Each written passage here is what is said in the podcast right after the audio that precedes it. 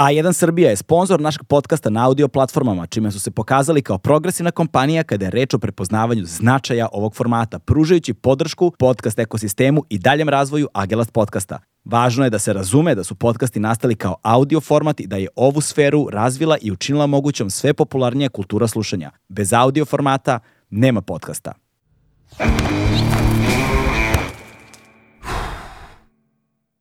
Hmm.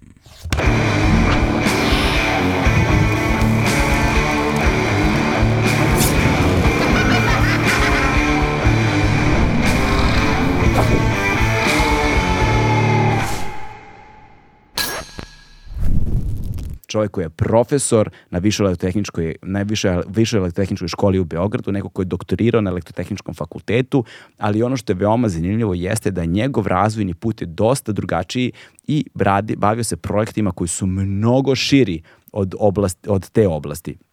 Ako ste gledali epizodu sa našim a, kvantnim fizičarem Vlatkom Vedralom, koje, a koju preporučujem ukoliko niste, dakle, oni su da, dugogodišnji prijatelji, takođe su zajedno radili na spoju kvantne fizike i akustike, što je vrlo zanimljivo. Kakve veze kvantna fizika i akustika mogu da imaju?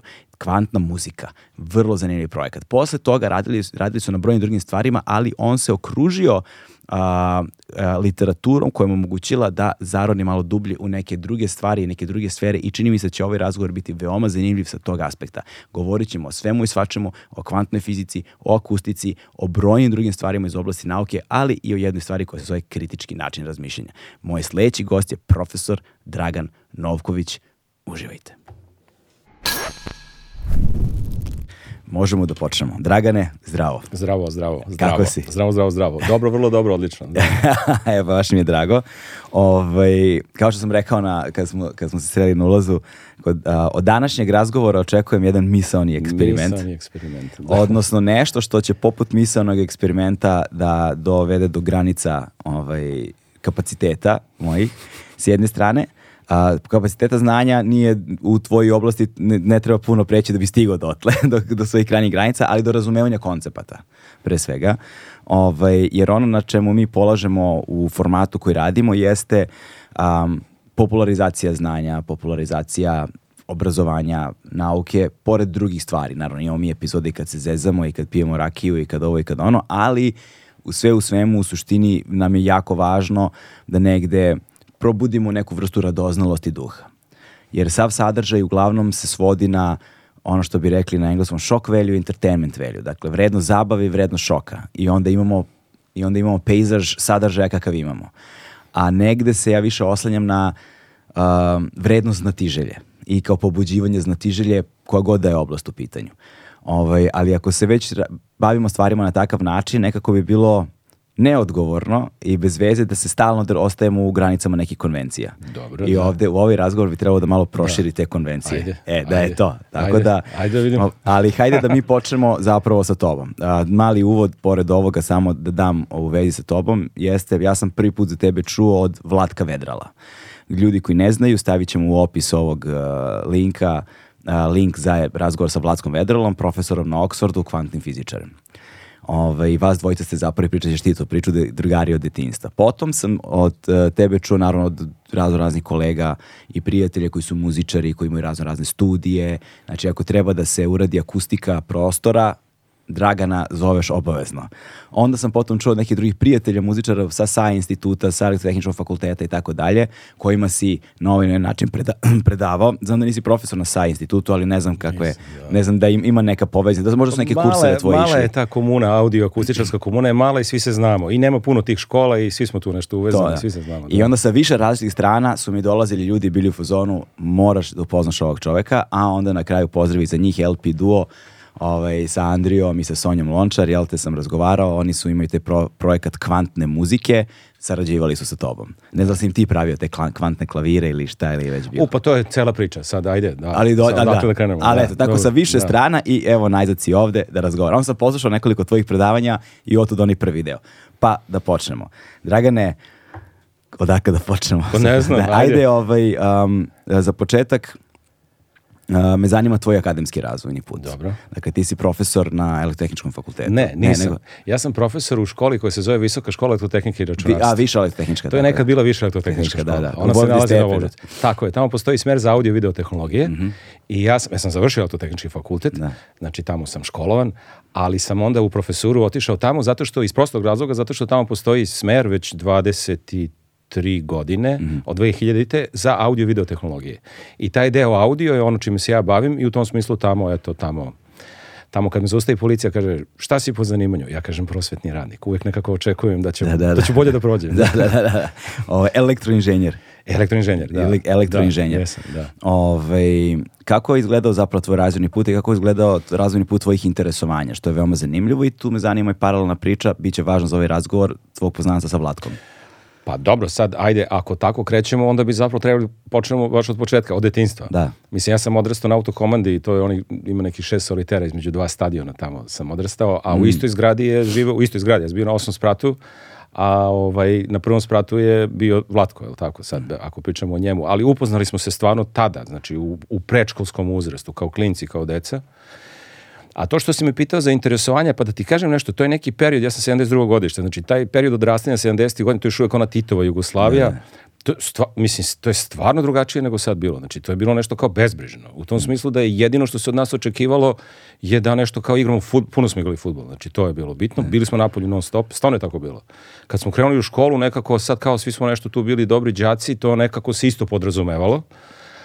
A, ovaj, a neka prekretnica je verovatno nastala negde sa 13-14 godina kad je muzika uplivala u moj život onako ozbiljno. Dotle je muzika bila nešto što sam zapravo od roditelja dobijao kao neku informaciju, a oni su opet bili onako, nisu bili u uprost, onako što se kaže, srednja klasa, mhm. prosečno zainteresovani za muziku, ništa specijalno. Imao sam te neke ploče koje su tad bile aktualne, 70-ih, 80-ih. A onda se sećam, ovaj, to je bilo neki Philipsov kasetofon. A to je bilo ono, znači ono imaš kao kaseta je u sredini, a sa strane su dva zvučnika, ima ono da se nosi. Mm. Ne može se odvojiti to, a na njemu je pisalo stereo. Mislim neki gramofon pre toga, ali to su bili oni iskreni gramofoni gde kad skineš poklopac stoji zvučnik, jedan zvučnik. Da, da, da, To je da. meni uvek nešto jadno zvučilo, nisam ja to ništa kapirao, bio sam klinac. I onda se sećam, to je pisalo stereo, pa sam ja nešto skapirao šta je to, a pošto ti zvučici nisu mogli da se odvoje, ja se sećam sebe, ja sam guro glavu u, u, u, u blizu skroz toga, ja sam skapirao da tu nešto sa raznih strana dolazi. To me mm. potpuno fasciniralo. A Vlatko je počeo da, da svira gitaru u šestom osnovne, i išao je na časove kod pokojnog Rajka Kojića, e, gitariste Riblje Čorbe, to je, to je stvarno nama klincima bilo wow. I onda sam ja zapravo uz njega počeo da učim gitaru. I vrlo brzo u osmom smo napali prvi bend. Wow. I da, i taj bend je bio večiti prvoborci, to se sećam, da. A pošto nismo dobro imali... ime, dobro ime, pa, da. da. Da, to je taj, a ja stvarno to mislim, to je taj milje u kojem smo rasli. Znači to o, očevi e, nekih naših prijatelja su bili prvoborci, znaš, ono nosioci te da, da, da. spomenice da. i tako da. To, to je stvarno tako bilo. I, ovaj, ali nismo imali električne gitare i to. Stvarno smo bili klinci, osmi šteta, 13-14 godine, ja sam ranije krenuo školu. I svirali smo akustične gitare. I onda kad me neki drugari pitaju kao šta ste svirali, ja kažem akustični punk. A, a stvarno jeste. I snimili smo album. Wow. Da, Kako se zvao? na kasetu uredno uh, Povuci vodu. Povuci, Povuci vodu. I na početak sam stvarno, ja, pošto ja bio snimatelj, iz nepoznatih razloga, ali posle, ali vidiš kako, a stvarno se to nekako sve posle uklopi u neki razvoj, nekako mm. to me interesovalo.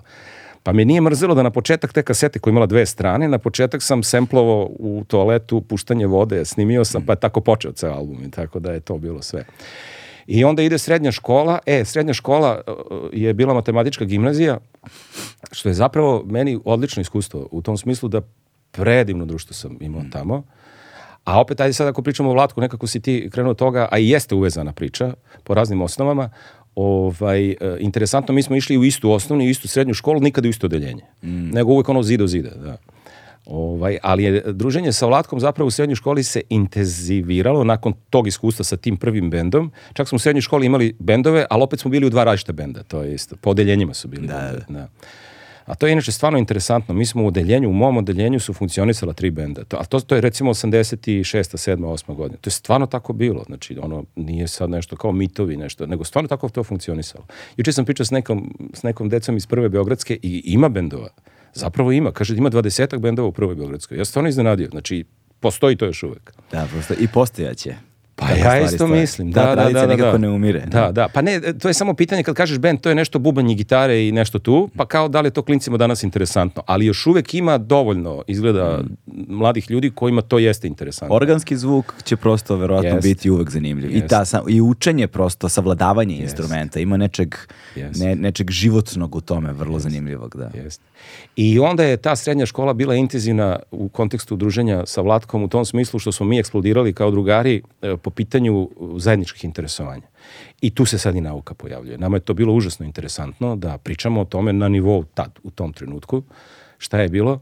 I ono što je isto bila obsesija su bili bioskopi. Mm. Znači, gledali smo sve u bioskopima. I to se isto sećam. To je bilo ono, zavučeš ruku u džep i napipaš neke metalne novčiće koji su ti tu zaostali i to je bilo dovoljno za kartu. To se mm. isto sećam. I onda kao, gde ćemo, šta ćemo, idemo u bioskop. Uh, Tako da su to bili filmovi, muzika, nauka, futbal, sve vreme, stripovi, to je bilo to. To je bilo neki krug u kojem sam se ja kretao. I ono što se nakon toga desilo je zapravo da sam ja upisao po ljutoj inerciji, odnosno bez ikakvog razmišljanja, to tehnički fakultet. Moj čale elektroinženjer, inženjer, a ovaj a ja mislim da svi ti neki dobri đaci to nešto ide ti matematika fizika i ako nemaš ideju šta bi u to vreme je bilo kao idem na elektrotehnički fakultet ili ja, mašinski fakultet pa ili mašinski da, da, da jeste jeste, da. jeste jeste ali s obzirom da sam imao tu porodičnu recimo mm. tradiciju nekako ja nisam nikada razmišljao o tome Vlatko je bio u tom trenutku potpuno opredeljen znao je šta hoće i on je pisao fiziku ovde u Beogradu i ovaj Priča je dalje takva da je on otišao, on je otišao u vojsku, posle toga otišao u Englesku, ja sam ostao ovde. I niste se videli 20 godina. Da, pa mislim, je, stvarno je tako bilo. Da. da. On je otišao u vojsku, vratio se kao prvo pozivac je bilo, znači to ili će da ode u rat, stvarno, znači on, mm. on je bio viđen da ode, na, verovatno ovde, na ovaj, u to vreme je bio aktualno ovo oko Vukovara i to sve što mm. se dešavalo. Sticam okolnosti, imao je tetku u, u, u Londonu, završio je tamo i 20 godina se nije pojavio ovde, ja nisam otišao tamo. To je bilo onaj period vize i tako dalje. Da, da, vrlo dobro znam, da. Da, komunikacija je funkcionisala pisma, Redko. I sećam se s vremena na vreme, ali to je bilo tri puta, javi se neke telefonske govornice u Londonu. Kao, e, kao, da, i tako. A onda ovo kad je krenuo internet i sve to neki, to sam ja zvao haiku komunikacija. Mm. Sine, si dobro da. dobro sam. I onda godinu dana ništa. Da, da, da, da, bukvalno, bukvalno, bukvalno. Da.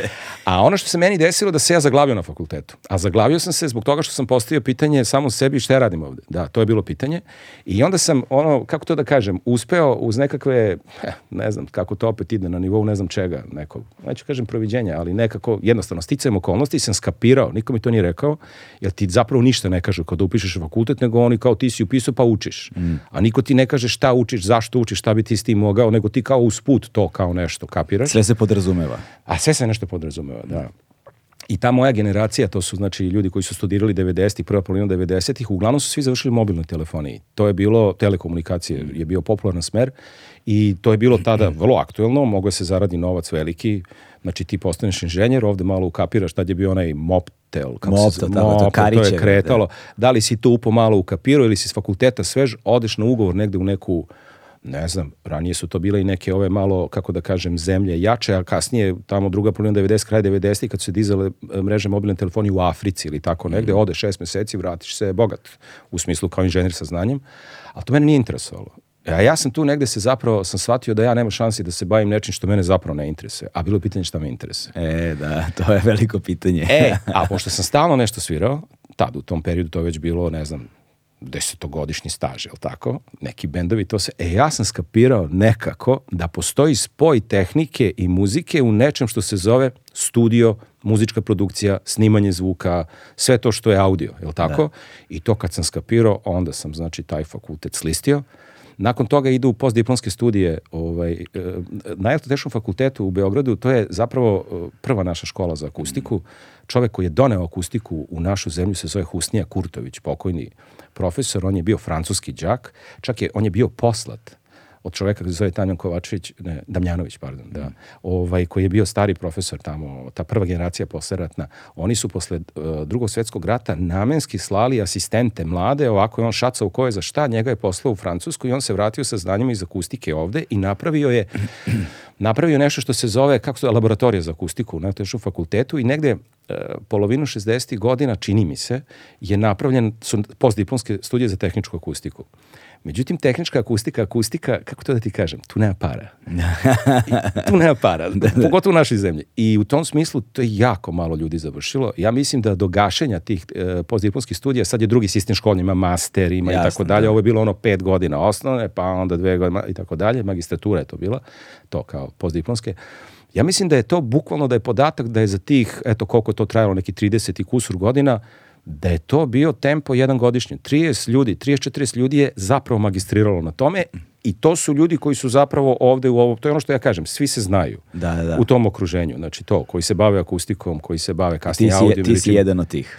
To, tu sam završio da, da. postdiplomske studije. I kasnije sam doktorirao i to obično volim da kažem i to je potpuna istina ne zato što sam hteo, nego sam ja prirodom svoga posla, pošto sam se zaposlio u visokom obrazovanju i tu se prosto podrazumeva da ako misliš da se baviš, ti moraš da uzimaš te diplome, onda sam uradio i taj doktorat, što se kaže, i ništa. Evo, i sad sam profesor na, na toj školi i tamo smaram decu sa tim pričama o zvuku, o akustici, o audio, o produkciji i tako da. Eto, to. S jedne strane. E sad, ubacit ćemo još jedan element u ovaj razgovor koji mislim da će biti ključan za razumevanje onoga što kasnije dolazi, to je tvoja majka. Da. Ovaj, ali pre toga da završimo epizodu sa Vlatkom Vedralom, jer je ta tačka takođe zanimljiva ili možda da obrnemo ili možda je bolje da uđemo bolje da završimo ovu pošto će ovo potrajati verovatno. Pa može, znaš, znaš šta se tu zapravo da. desilo? Da. Znači 20 godina kontakt haiku potpuni. Da. I posle 20 godina, znači bukvalno 20 91. 2011. stiže meni mail od njega e, ima neko u, u, društvo fizičara Srbije, znači zvanično udruženje fizičara Srbije da. i oni su skapirali, pošto on tamo napravio veliku karijeru. Ja ne znam koliko su ljudi svesni toga, on je čovek koji je zapravo postavio u teoriji Znači, e, to je prva polovina 90. godine kad je on još uvek bio, kad još uvek nije bio nikakav profesor, on je možda tad bio na doktoratu i tako neke stvari, posle neki postdoc i tako dalje, ali on je jedan od dvojice, trojice ljudi koji su u tom trenutku uradili u teoriji kvantne fizike, postavili su osnove onoga što se zove kvantna informatika, odnosno teoretske osnove za tehnologiju kvantnih računara. Mm. I to je ono što danas se pokušava da se desi, da se kao naprave kvantni računari E, to što oni pokušavaju da urade, to je u teoriji eto, naš čovjek ovde odrastao, Vatsko, da. završio da. matematičku i otišao tamo. Dakle, on je tu napravio stvarno veliku karijeru međunarodnu i ima, on je, on je zvanično najcitiraniji fizičar poreklom sa ovih prostora. Da. Još, jedno, još jednom ću ponoviti, dakle, ukoliko ste zainteresovani da saznate više o Vlatku Vedrlu, njegovom delu, imamo epizodu koju smo radili pre ima, pa boga mi ima jedno dve godine, a? I radili smo u vreme, da, znam, u vreme covida, yeah. Da. lockdowna, radili smo je online, ali ne brinite, zvuk je odličan. Da. Ovaj, potrudili smo se oko toga i Vlatko je zaista divan, iscrpan i sjajan, sjajan, sjajan prenosilac znanja. Yes. Ovaj, imate to i preporučit ću vam njegovu knjigu Dekodiranje stvarnosti. Yes. Eto, tako da yes. nastavi. A1 je prvi prijatelj audio izdanja Agelast podcasta. I ništa, stiže mail, oni su znači, skapirali da postoji neki čovek poreklom sa ovih prostora, tamo negde u Engleskoj, koji to kao ima tu karijeru i oni su odlučili da mu daju nagradu, godišnju nagradu tog udruženja fizičara ili kako god ja. Da da. se zove. Ovaj, mislim da se zove nagrada Marko Jarić, evo, da ne bude da grešim, ali mislim da se tako zove po jednom našem mladu preminulom fizičaru, ali u svakom slučaju on je dobio taj poziv i on je odlučio da dođe da primi tu nagradu. I stiže mail, sine, ja, pošto smo na sine, sine, brate, ne. sine stižem, kao aj mi nađi neki smeštaj, ja mu kažem pa šta, evo dođi kod mene, normalno. Ne, da, ne. Da. I posle 20 godina, ovaj, čak se i sećam, pazi, čekao sam ga kolima negde kod Šida, on je nešto tu prešao granicu, ne setim mm. kao je bila neka varijanta, pa smo ovaj, došli odatle kolima I tu smo zapravo nastavili našu komunikaciju i naše druženje i kao što se uvek dešava u tim situacijama kada sa nekim imaš jaku osnovu u detinjstvu, ti zapravo nevezano od protoka vremena nastavljaš tamo gde si stao. Tako je. Pri čemu su se umeđu vremenu zapravo desile mnoge stvari. Znači, on je čovek, eto, radi to što radi, ja radim to što radim. I krenuli smo da se družimo. I porodično, deca, žene, sve to kako ide. Ovaj, I onda sam jednom prilikom otišao kod njega u Oxford I, I sad bukvalno je bilo tako. Onaj dosadni engleski kišni dan. Nije da sam nešto puno probao u Engleskoj, ali ko to svi znamo da u Engleskoj ima takvih dana. I stvarno je takav dan bio i bilo je ono kao dobro, super, sve, evo, družimo se, sve, ali šta bi mogli da radimo zajedno? Mm. I sad kao kvantna fizika, pazite, kvantna fizika je domen E, čak neću da kažem realnosti, ako je realnost ono što je nama ljudima, kako da kažem, blisko, što možemo da percepiramo, ovo nema nikakve veze sa tim. Dakle, ovo to je nešto što nikakve veze nema sa našim, sa našim domenom, a akustika je nešto što je potpuno ljudska stvar, što je potpuno tu svuda oko nas i u tom smislu to na prvi pogled nikakve veze nema. Međutim, njega nije mrzelo i on zaista nismo videli nikakvu vezu, šta bi, kako mi to mogli da spojimo. Međutim, njega nije mrzelo, on je ukucao u Google akustika i kvantna fizika i ovako krenuo da izlazi. I on pogleda i kaže, jo, vidi, vidi ovo, pa znam to. Da, mislim, kao, da, kao zna. Da. Normalno da zna, ali kao nije setio. Postoji jedan eksperiment u kvantnoj fizici u kojem dolazi do ispoljavanja akustičkih fenomena. To je vrlo interesantno i to je eksperiment sa strukturom koja se zove Bose-Einsteinov kondenzat. Mislim, interesantna stvar, ne znam koliko sad da, da ulazim Može, u detalje. Može, to, to, je kada se ohladi zapravo, kada e, se spusti temperatura blizu apsolutne nule. Je, je, je, je, je. Zapravo se, a pazi, to je interesantno, to su u teoriji Einstein i taj Bose koji je mhm. indijski fizičar bio, oni su predvideli u teoriji da ako nekada a to nekada je bila dve, 1996. E, godina, mislim na MIT-u su naučnici uspeli to da urade, da ohlade materiju na nanokelvin. E sad, aj sad kao da samo malo objasnimo. Znači, postoji nešto u fizici što se zove apsolutna nula. Mi ljudi nulu vezujemo za nula stepeni Celzijusa, to je kada se voda ledi. Međutim, postoji apsolutna nula, to je nešto za što fizika danas i dalje potpuno nepobitno smatra da je nemoguće čak i dostići, da u univerzumu ne postoji taj nivo, da kažem, hladnoće, da. hladnoće, ali je ideja da na tom da, da na tom nivou temperature prestaje svako kretanje. Mm. Pošto ne postoji stanje bez makar malo kretanja, u tom smislu to je tačka koju ne možemo da dostignemo i to je nekih minus 273, nešto stepeni Celzijusa. Znači to je u minus toliko. A kada ohladiš nešto na nano Kelvin, nano, nano je milijarditi deo jednog stepena. Znači kao što imaš od nula stepeni do jednog stepena jedan stepen, pa to izdeliš na milijardu podeoka, e to kad se spustiš do apsolutne nule, toliko priđeš apsolutnoj nuli. Da. Ta jedan, znači od od, od 0 Kelvina do 1 Kelvin, isto je, Kelvin i Celzijus su isti. Da. E, i to, e, znači, znači priđeš, priđeš, ali ne možeš baš tu da dođeš. da. Ono što se zapravo desi je da, znaš kako se to radi, oni uzimaju, pazi sad ovo, kvantna fizika je zapravo uh, onaj deo ljudske delatnosti koji se bavi i promišljanja koji se bavi najsitnijim, bavi se kvantom. Da. Kvant bi trebao da bude nešto što je najsitnije, nešto što se danas često se koristi termin čestica, mm. čestica, englezi kažu particle, je tako? tako je. E, i za njih je, a, već atom je čitav svet. To je atomska fizika. Mm. Znači, čestica je elektron, čestica je proton, pa se onda ispostavilo da i taj proton u kvantnoj fizici, oni ga i dalje nešto na neke čestice, tako dalje, a kada se sve to, te čestice nekako sad ujedine kako god i šta god, naprave atom, to je već planina. To je univerzum to je već, za da. Tako je. E, a ovde se koriste strukture koje imaju milione atoma i uzimaju se atomi, rubidijemo, kalimo i tako dalje, stavljaju se u jednu komoru I ta komora, znači sad se hladi. E sad ne hladi se u frižideru, znači ne ide tako. Nego bukvalno zamisli da imaš jednu, pa, pazi, znači hladiti znači usporavati materiju. To, to, to, to je isto. Znači što je hladnije, znači ono nivo pokreta je sve manje i manje. Kad se smrzneš pa se ukočiš. Tako je, za, za, za, zato je kada je što je toplije, to se više brže kreće. Brže, da. I onda vrlo često ovaj, to, to je kada, ono, kada osjetiš ljuto, pošto nemamo receptor za ljuto, onda se zbune pa se pa se pa Hot. pa, se, da, pa, pa, pa, pa vibriraju da. i zato često ovaj vruće i ljuto deluju yes. deluju yes. isto. Pa Englezi kažu hot. Da, da. da dobro, oni to malo to Tako oni su oni uprošćavaju stvari. Uprošćavaju, da, u njima u jeziku to čuješ jasno, Tako, da, da, da. da.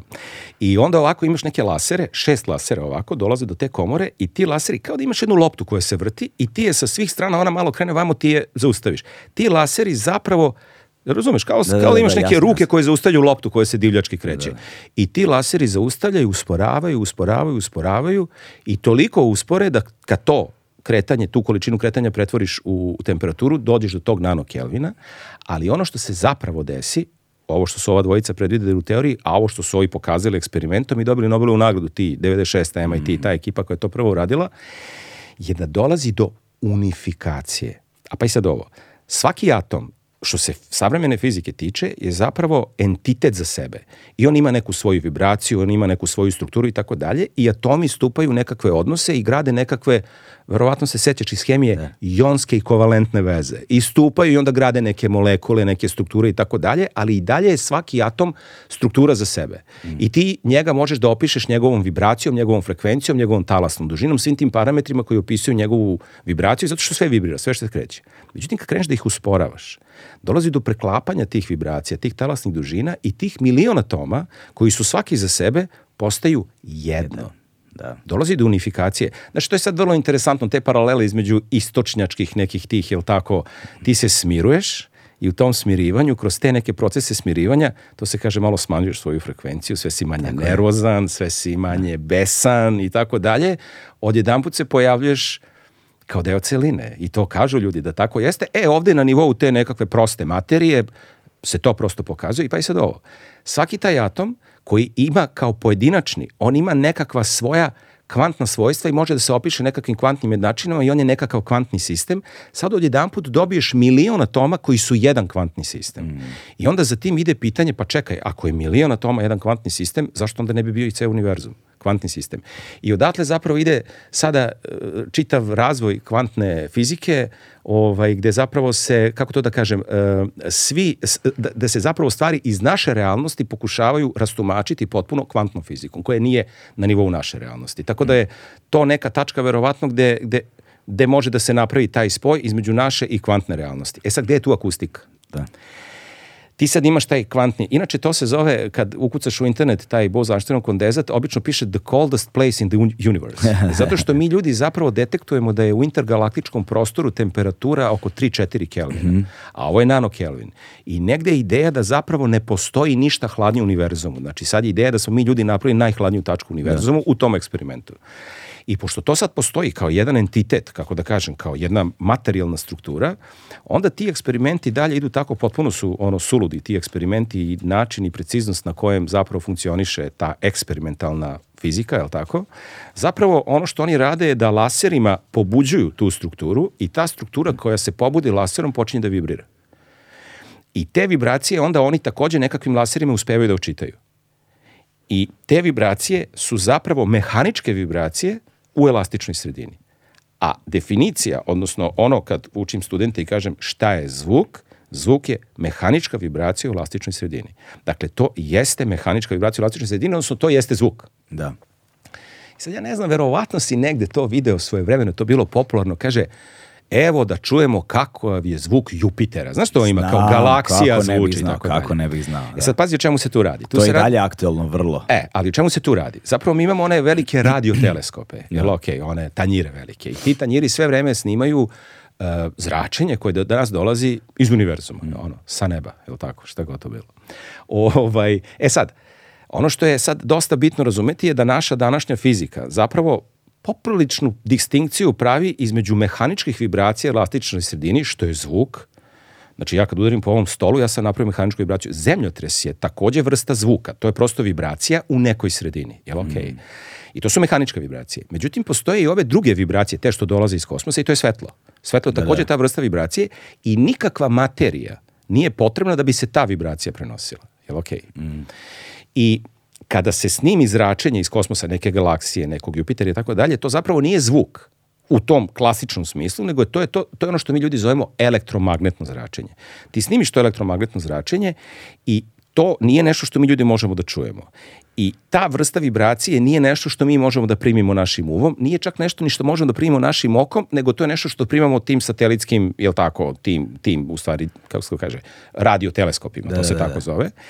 I onda, pošto je to nešto tako, onda se zapravo to, kako to da kažem, fingira. Mm. Na taj način to se deli s nekim brojevima i onda se to pušta preko zvučnika kao ta neka vibracija iz pojačala i ti to kao čuješ ali zapravo to nije zvuk, nego je to nešto što je napravljeno eto da popularizuje celu stvar i mm. tako dalje i tako dalje. Posebno sad sa James Webbom kad imaju e, slike visoke rezolucije, pa dodaju na to zvuk, pa, zvuk pa jeste. Znaš, onda znači, dobiješ neko iskustvo. Vidi, to jesu i, znači ono što je tačno je da to jesu neke vibracije, mm. ali to nisu vibracije koje mi ljudi možemo direktno da percepiramo našim čulom sluha koje je nama Bog dao da bi mogli da, da. percepiramo zvučne mehaničke vibracije. Kada bismo imali elektromagnetno čulo. Imamo, evo da, ga. Da. Znači imamo dva elektromagnetna čula. Jedno je ono čime detektujemo svetlo, a drugo je ono čime detektujemo toplotu. Toplota je takođe da. elektromagnetni fenomen. Ali, naše oči detektuju jako, jako mali opsek frekvencija, a postoje jako spore frekvencije, postoje jako brze vibracije. Mm. Mi u tom, to se zove spektar, u tom spektru mi detektujemo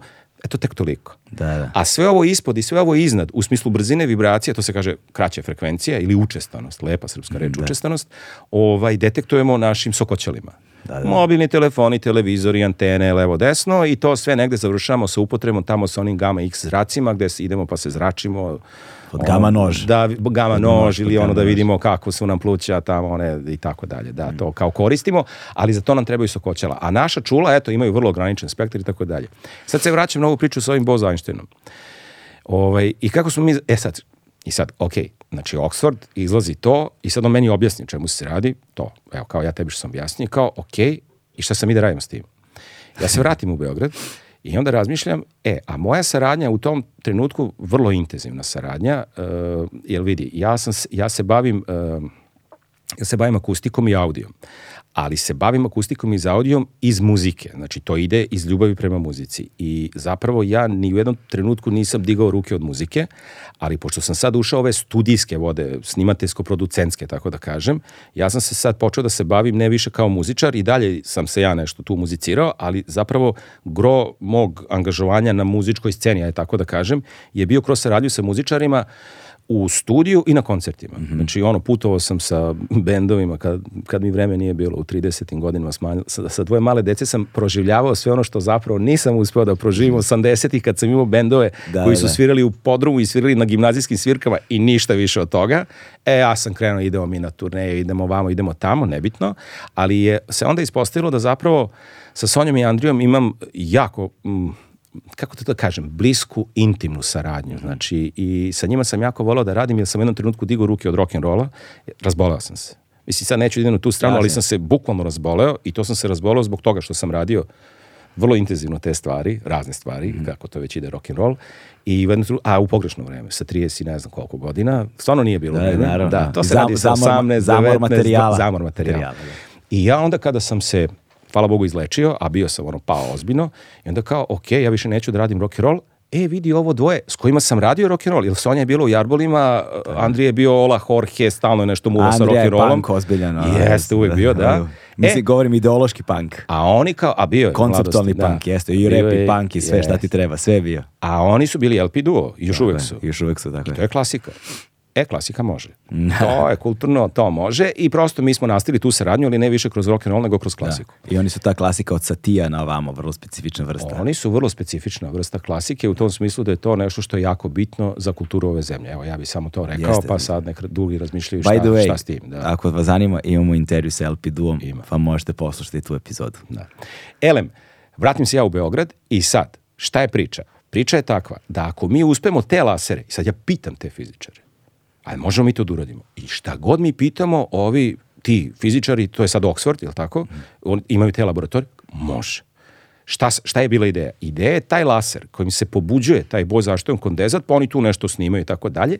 Da li mi možemo taj laser da modulišemo muzikom? Da li možemo u laser to je optika, što bi se reklo, tako, da upišemo muzičku informaciju, to se radi, znači tebi stiže optičkim, o, stiže ti muzika u YouTube optičkim, optičkim, kako se to kaže, vlaknom ili da, kako, da, da. znači to je moguće uraditi teoretski, ali je bilo pitanje da li to može u tom eksperimentu se iskoristi.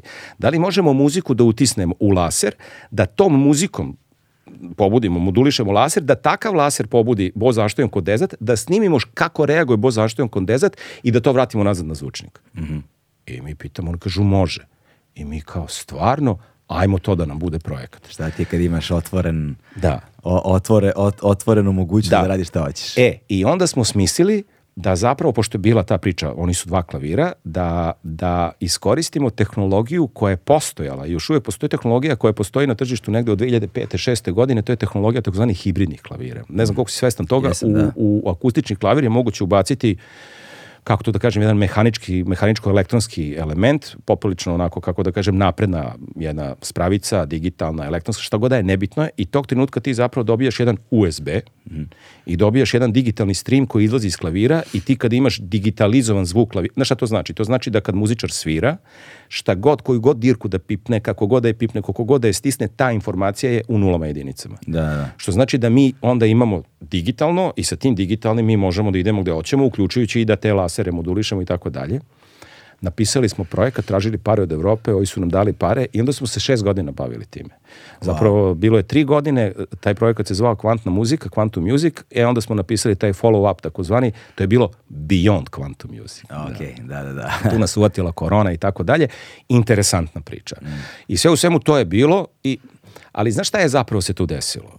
Desilo se to da sam se ja kao čovek koji se bavi akustikom, kome je to interesantno, koji je čak bio ponosan na sebe zato što u ovoj zemlji uspeva porodicu da prehrani isključivo i samo baveći se zvukom u raznim pojavnim formama tog bavljanja. Bavio se bukom, merenjima u akustici, akustičkim dizajnom studijski prostora, koncertnih prostora, putovo s bendovima, radio ton, u studiju snimam, sve, šta god. Ok, znači to je moje, znači kako kaže, to je moj život, to je moja struka, moja profesija.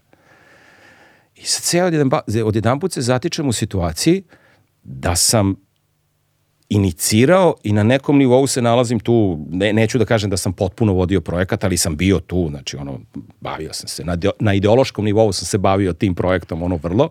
Od mene se očekivalo zapravo da se bavim projektom koji treba da popularizuje kvantnu fiziku, pre svega kroz medijum zvuka, je tako? Mm. Ali je zapravo poenta tog projekta bila da ljudima približimo kvantnu fiziku. Preko muzike, preko tih lasera, preko čega god, ali zapravo da mi... A kvantni fizičari su jako zainteresovani za to e, ogromne pare naša civilizacija kuca u kvantnu fiziku zato što je to e, ona grana fizike, onaj deo fizike od kojeg se očekuju odgovori na suštinska pitanja, a to je odakle sve ovo. Mm a kvantna fizika zapravo e, je poprilično, e, kako da kažem, ima poprilično, kako to, ne, aj sad da budem pažljiv sa rečima, dakle recimo komplikovana je, ima dosta stvari koje ljudi ne mogu da razumiju na prvu loptu, ima dosta nekih mističnih ja, ja stvari i tako dalje. Ja, ja, bi, ja bih rekao kontraintuitivna.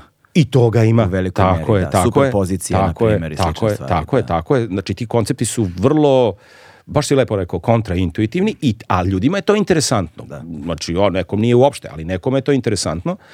I u tom smislu je bila ideja, aj sad mi to treba da popularizujemo, da malo to približimo ljudima. I sad kao, ok, treba nešto da pričam. Mi smo bukvalno imali evropsku turneju, krenuli smo, što Gregor, krenuli smo iz Singapura, pa smo tamo prvi koncert imali i to se izgledalo tako što ide koncert, Sonja i Andrija sviraju klavire, tu se dešavaju ta neka interakcija sa nekakvim sada laptopovima i tako dalje. Ono što nikad nismo uradili je zapravo ono što su nam takođe rekli da može, Možda ćemo to nekad uraditi. Dakle, bila je ideja da taj ceo eksperiment iznesemo na binu. To su neki optički stolovi, to izgleda jako dobro, da se to stavi na binu i da u realnom vremenu oni sviraju i da u realnom vremenu ti laseri tamo pobuđuju i da u realnom vremenu to sve vratamo na razglas i da zapravo oni sviraju sa bozaštenom kondenzatom u isto vreme. Wow. E, to oni, to kad smo pitali, ali možemo to da uradimo, ovi su rekli, može, samo je pitanje para. Znači, treba će vam puno para da to izbacite iz laboratorija i doneste na neku binu, da, da, da. ali kao moguće. Znači, to, je super, zapravo, da. to je zapravo slušanje muzike kroz filter kvantnog sveta. Tako je. E, a znaš šta je tu isto interesantno? Ja kad smo dobili prve rezultate iz laboratorije, pošto sad oni nama slali te, e, kako da kažem, te vibracije, kao sad će oni nama da pošalju to što oni imaju kao rezultate svojih eksperimenata, mm. da od toga krećemo, da od toga krenemo. Ovaj, I sad ja očekujem, sad će oni nama da pošalju neke oni su nama zapravo slali, kako da kažem, bukvalno tabele u kojima imaš vreme i u tom vremenskom trenutku je, kako da kažem, ta i ta vrednost zvuka, odnosno eh, imaš talasni oblik, Odnosno, hoću da kažem da sam mislio da će slično kao sa Jupiterom to biti neke vibracije koje nisu čujne. Mm. Pa da ćemo mi da ih transliramo u čujni opseg i da ćemo mi tu nešto da malo varamo da bi se čulo. Fingiramo. Međutim, To je jedan na jedan zvuk koji mi ljudi možemo da percepiramo. To su basovi, to su realno kikovi, basovi i takve stvari. I onda kad malo bolje razmisliš, zapravo je logično zašto je tako, zato što je toliko usporeno kretanje materije da zapravo te vibracije više nisu oni gigaherci, megaherci, sve ono što zapravo jesu te čestice, atomi i tako dalje, to je ono što nema veze s nama ljudima. Mi ljudi čujemo nešto 100 herca, 200 herca, 500 herca. E, to zapravo taj kondenzat vibrira na tim frekvencijama. Mm. I jedan na jedan ti zapravo kad stisneš dugme, ti čuješ taj zvuk.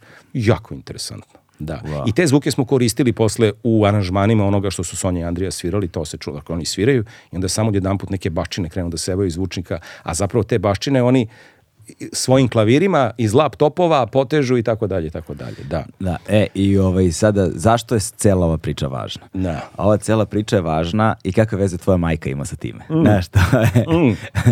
A to je opet druga a to je druga grana, druga struja. Ali se sustiču zapravo. One se sustiču, sustiču. i to je sad sve očiglednije i očiglednije. Da. Ovo samo ovako ću samo da završim ovo što sam sad počeo Jasne. pričam. Ja samo to taj trenutak 2015 kad sam se zatekao u toj ulozi da zapravo ja shvatam da ćemo mi putovati po pa smo posle putovali, putovali u smislu pravili tetu ne, gde se zapravo očekuje da mi nešto pričamo, da ja nešto kažem o kvantnoj fizici i tako dalje.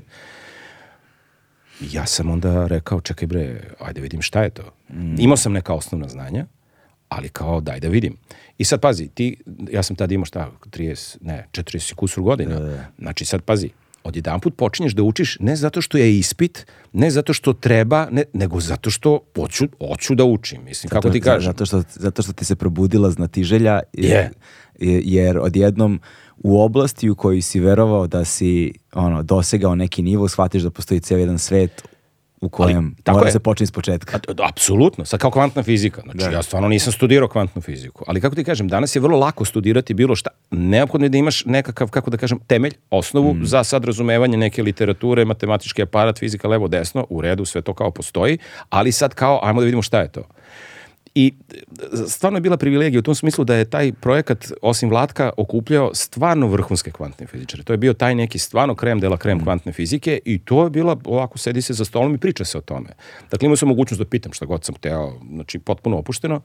I hoću da kažem da je to zapravo mene skrenulo sada u vode onoga što je jedna jaka struja u mom životu, a to je bavljanje naukom. A kad kažem naukom, zapravo fundamentalnom naukom, odnosno ja sam se u tom trenutku zakačio na ta promišljanja odakle sve ovo ovde, Jer ti kad se baviš akustikom, ti zapravo krećeš od toga da akustika već postoji, kako da ti kažem. Ti da, se da. baviš, zato je akustika inženjerija, to je, na elektrotehnici se uči akustika, znači, to je vrlo interesantno. Ja sam baš pitao skoro... Ne na filozofskom fakultetu. Ne, da. čak, čak, čak, pazi, čak i na fizici, oni nemaju, ja sam skoro pitao fizičara, jednog dečka, i kažem, jesi imao predmet akustika, čoveče? Ne.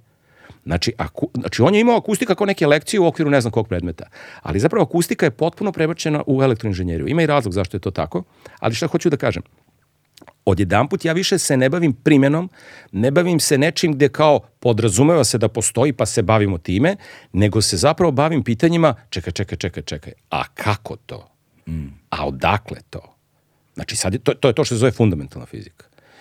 I to me ono obuzelo, što bi se reklo, i evo drži me, evo koliko, nema deset, ali skoro deset godina. I vrlo intenzivan proces. Ne. Da. E sad se vraćam na ovu priču što si me pitao za majku.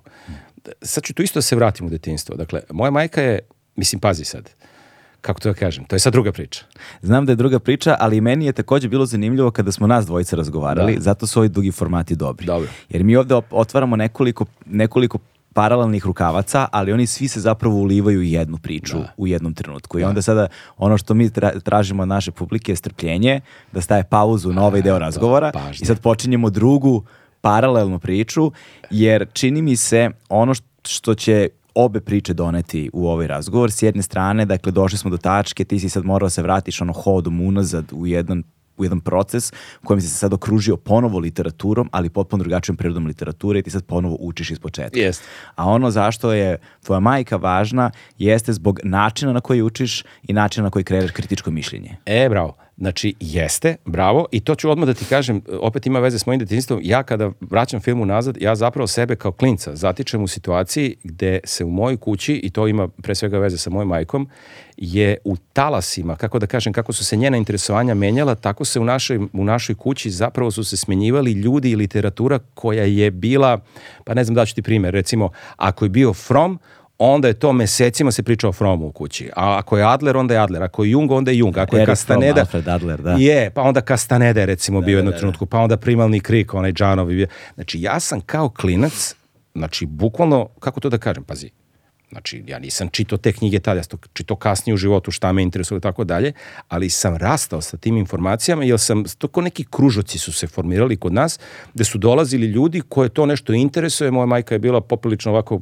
kako to, kako to kaže, ekstrovertno, u smislu imale dosta drugova i tako dalje, drugarica, i oni su se skupljali i pričali o tim stvarima, razmenjivali knjige, to su bile teme. I ja sam to sve vreme slušao. Da. To je lepa reč, Druže ljubio, da. da. Put kojim se ređe ide. Znaš, da, da, da, da. razne te neke Scott stvari. Scott Peck, je li tako? E, Scott Beck, bravo. Da. To sve u realnom vremenu je ulazilo u moj život. Mm. Kao klinca. I ja sam to sve imao negde kao, kao oko sebe. A zapravo moja majka je bila ta, ta vrsta karaktera, ta vrsta senzibiliteta i to je zapravo nju, nju njen život usmerilo na tu jednu stranu koja sada sve više zapravo usmerava i moj život. Ona je umrla i nakon njene smrti zapravo nekako je u mojoj porici ostalo da ja nastavljam tu priču koja je ona pričala, a ona je pričala priču koja je opet izvorno, odnosno originalno nije njena, nego i to je sad vrlo interesantno, ona seže jedan vek u prošlost. I vezana je za ovu našu zemlju koja se sada zove Srbija, ovaj menjala imena, je li tako? Mm. Ali šta hoću da kažem, znači, ajde sad kako ide ta priča? Ta priča ide tako što je u periodu između dva svetska rata, dakle to su neke 20. 30. godine 20. E, veka, u to vreme mladi seoski učitelj Petar Savić, mislim da je 910. godište čovek, on je umro početkom 90-ih, on je znači bio seoski učitelj u selima Kužica.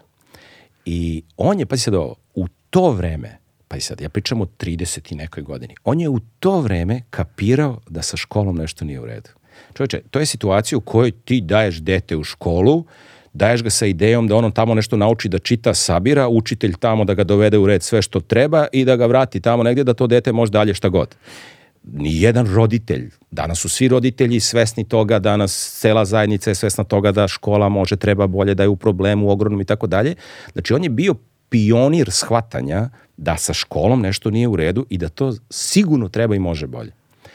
Dolazi drugi svetski rat i on odlazi u zarobljeništvo i mislim da je bio u Dahau, znači, znači to je pakao verovatno bio to, mm. to ne možemo zamisliti šta je i ja nekako volim da mislim da je on zapravo uspeo da preživi samo isključivo zahvaljujući tome što je u njegovoj glavi to vreme bilo iskorišćeno da potpuno formira ne ideju, nego da zatvori priču vezano za to kako zapravo treba organizovati školu ako ovo nije dobro, i to danas svi pričaju nije dobro, a niko ne kaže kako bi trebalo.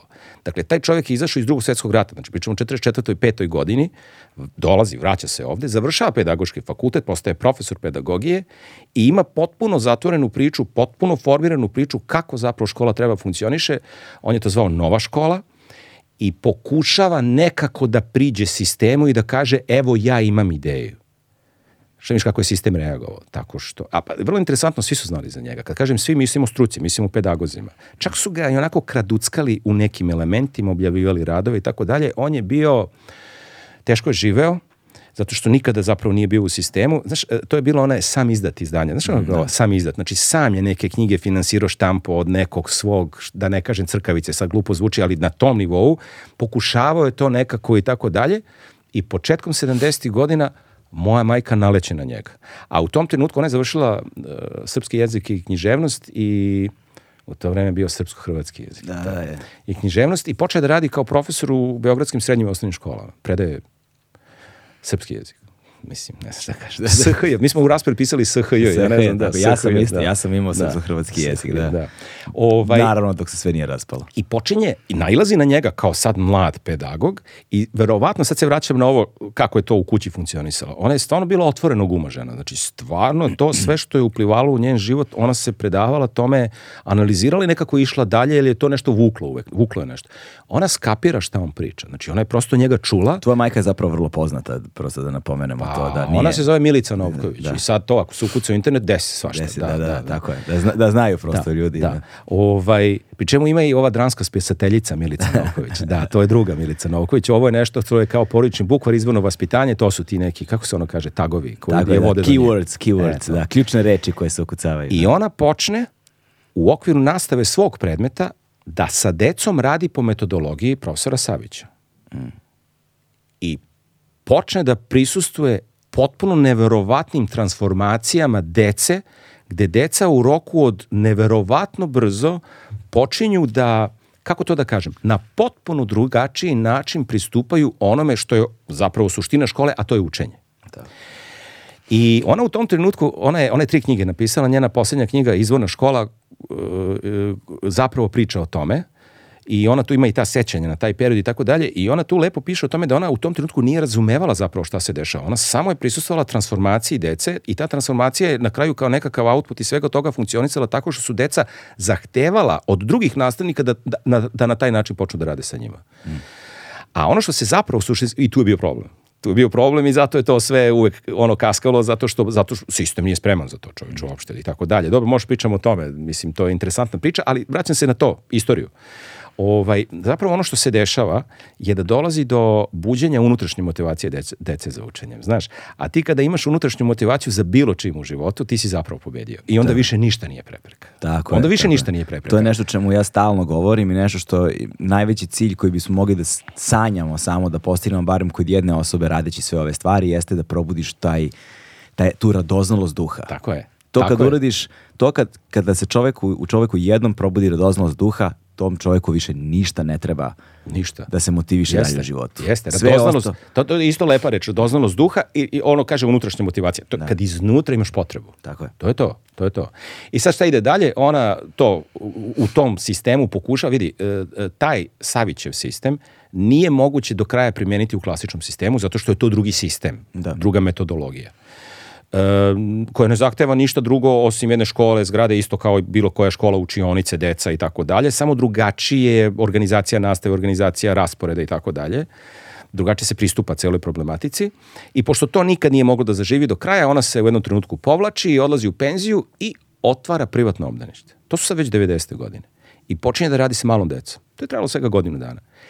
I u tom trenutku, zapravo, to je sredina 90-ih, ona zapravo kapira, tad je već Savić bio pokojni, on je za sebe ostavio svoje delo i on se bavi isključivo školom. Ostavio, znači, potpuno, znači, ja opet kažem, mi u Srbiji imamo potpuno formiran sistem uh, organizaciju škole, metodologiju škole, ovaj, koji je na eksperimentalnom nivou, dakle, rađeni su eksperimenti, e, Savić, Savić ima dvoje dece, oboje su pedagozi, I oni su radili eksperimente, i ja sam radio eksperiment u školi u kojoj ja predajem, dakle rađeni su eksperimenti na nivou osnovnog, srednjeg i visokog školstva. Znaš kako se rade ti eksperimenti? Ti podeliš đake u dve grupe, eksperimentalnu i kontrolnu. Mm. I onda sa e, kontrolnom grupom radiš po klasičnom sistemu, sa eksperimentalnom grupom radiš po ovom sistemu.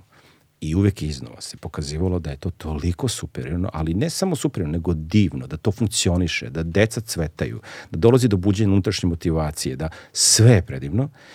Dakle, hoću da kažem da je stvar testirana, isprobana, nije ono pričam ti priču, nego potpuno i tako dalje. E, i ona sa tim svim u svojoj glavi se spušta na nivo porodice sad, prečkolski uzrast, deca, mala i tako dalje, i kapira da je nemoguće.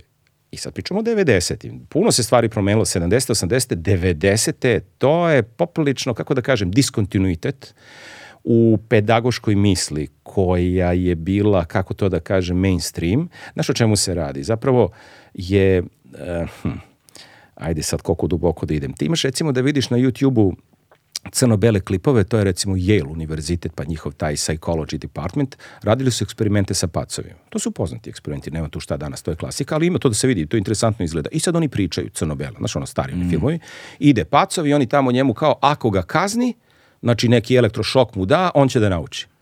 A onda su skapirali da ne mora samo da ga kažnjava, nego da može i da mu da nagradu. Ako mu ga tamo nahrani, pa kao kad dresiraš kučiće da, da, da. ili nešto, ti mu daš nešto i onda on kao to i tako dalje.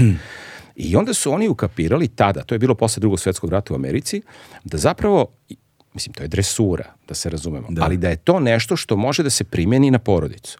E sad, Amerikanci, taki kakvi su, zapravo su to primjenili na sve i to je ono čuveno šta piša ga repa.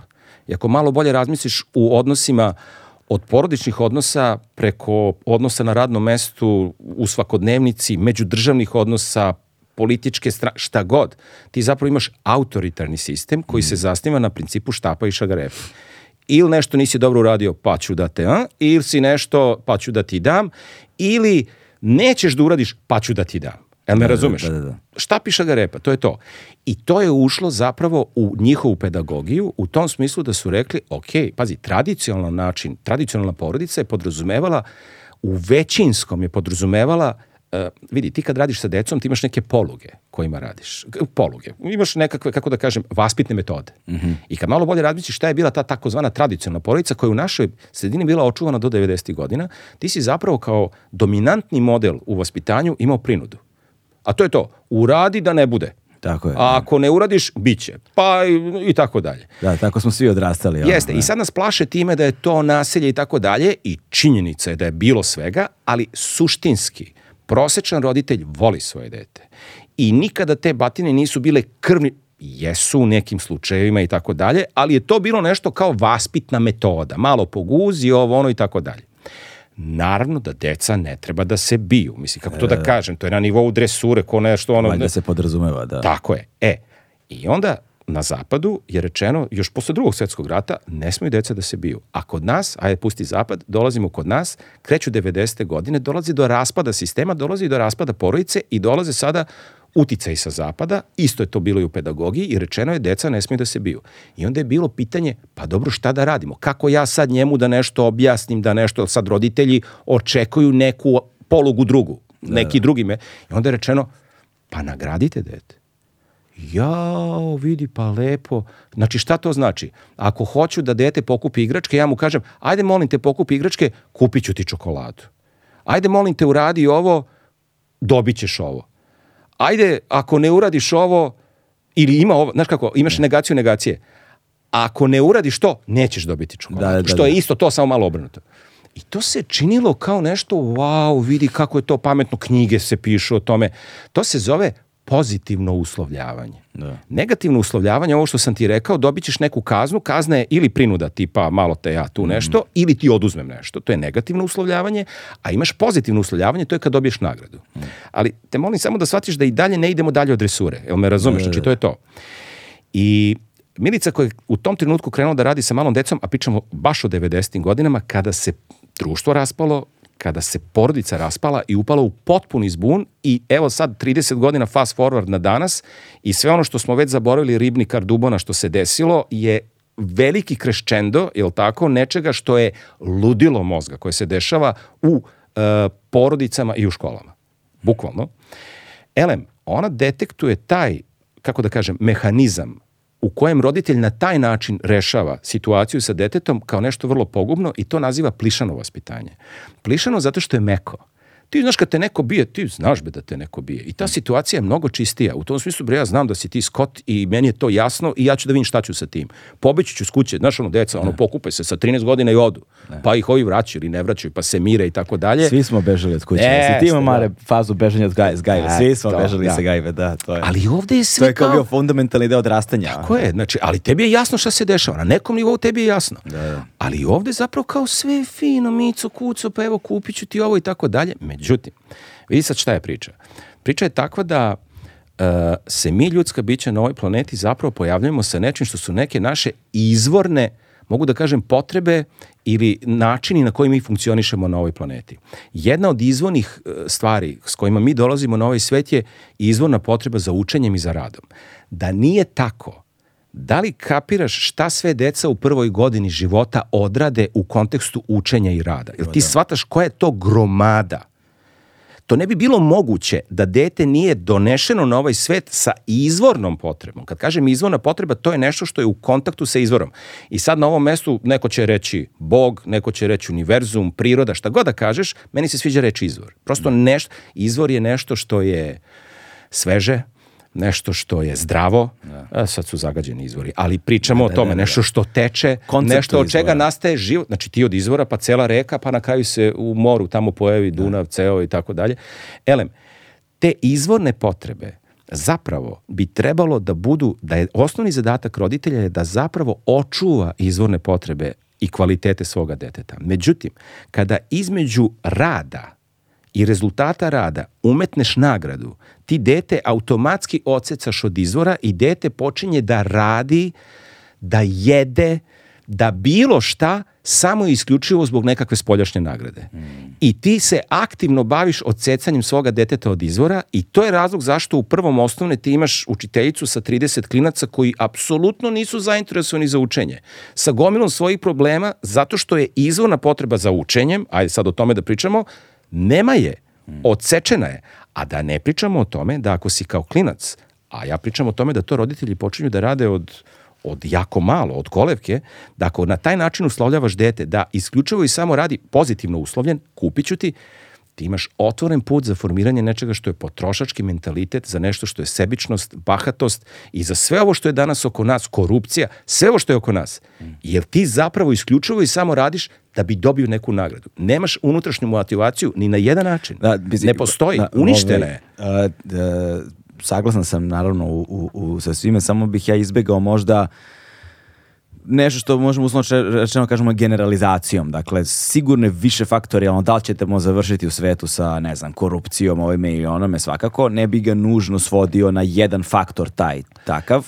Ali, ali razumem potpunosti koncept i saglasan sam sa konceptom jer postoji nešto u sad nisam stručnjak naravno za, za, za, za, za vaspitanje dece u tom, ali kao roditelj deteta koja je sad ono, blizu pete godine života, vrlo smo oprezni sa time da um, ne uslovljavamo Znaš, jer to uslovljavanje na neki način nije emocionalno uslovljavanje i ovakvo uslovljavanje i onakvo koje ne kreira nekako zdrave odnose prema stvarima, nego, okay. nego je fora da dete prosto nekako zainteresuješ dete da samo to želi da uradi ili okay. da nekako predočiš stvari, a ono što je problem sa vremenom i svetom u kojem živimo danas jeste to zahteva dva elementa koje redko kada imamo, odnosno tri, moraš da imaš nekakve uslove životne tako i je. moraš da imaš vreme i moraš da uložiš trud. Tako je. To su tri stvari koje bez, bez kojih ne možemo da tako da razgovaramo tako o tome. Je. Da. Mi, mi funkcionišemo u ovom sistemu ovakav kakav je. Da. Tako je. I roditeljima, dan, roditelji su na prvoj liniji fronta i roditeljima E, to što ja kažem, ko se danas bavi roditeljima? Ko u svemu ovome pominje roditelje? Čoveče, da, a to su zapravo udarnici, kako mm. to da kažem. Znači, e, jednostavno... Izvini, molim te, moram da, da ubacim. Večiti prvoborci. Večiti prvoborci. Uvek su na prvoj liniji fronta. I sad vidi, Milica piše prvu knjigu Porodični bukvar i u toj knjizi detektuje pet. Mm -hmm nema šest, nema četiri, pet. I ona žena, znači, kako da kažem, 30 godina se time bavila i apsolutno nema, nema To je to. Imaš svega pet stvari koje roditelji rade. Jedno je možeš da ono što sam rekao, može prinuda. Znači to, tu, tu poguzi i tako dalje. Evo sad smo došli, zakon je rekao, to ne sme. Znači ono kao mogu decu ti uzmu, ako ti to reći, tako dalje. Onda kaže, roditelj, šta ću? Ostane mu pozitivno uslovljavanje, to je da nagrađuješ dete. To, je plišano. Plišano, tako je. Treća stvar, kao vaspitni model koji se koristi u toj savremenoj porodici je prezaštićivanje. Mm. Nemoj sine mamaće.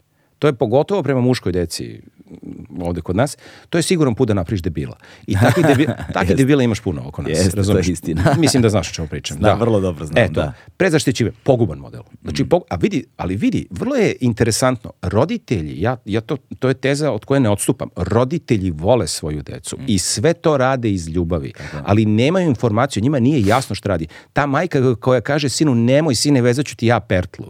Znači, ona nije svesna da time što to njeno dete sa osam, ja znam, Ja lično znam dečka sa 14 godina kome mama briše guzu. Mislim, znam za taj slučaj.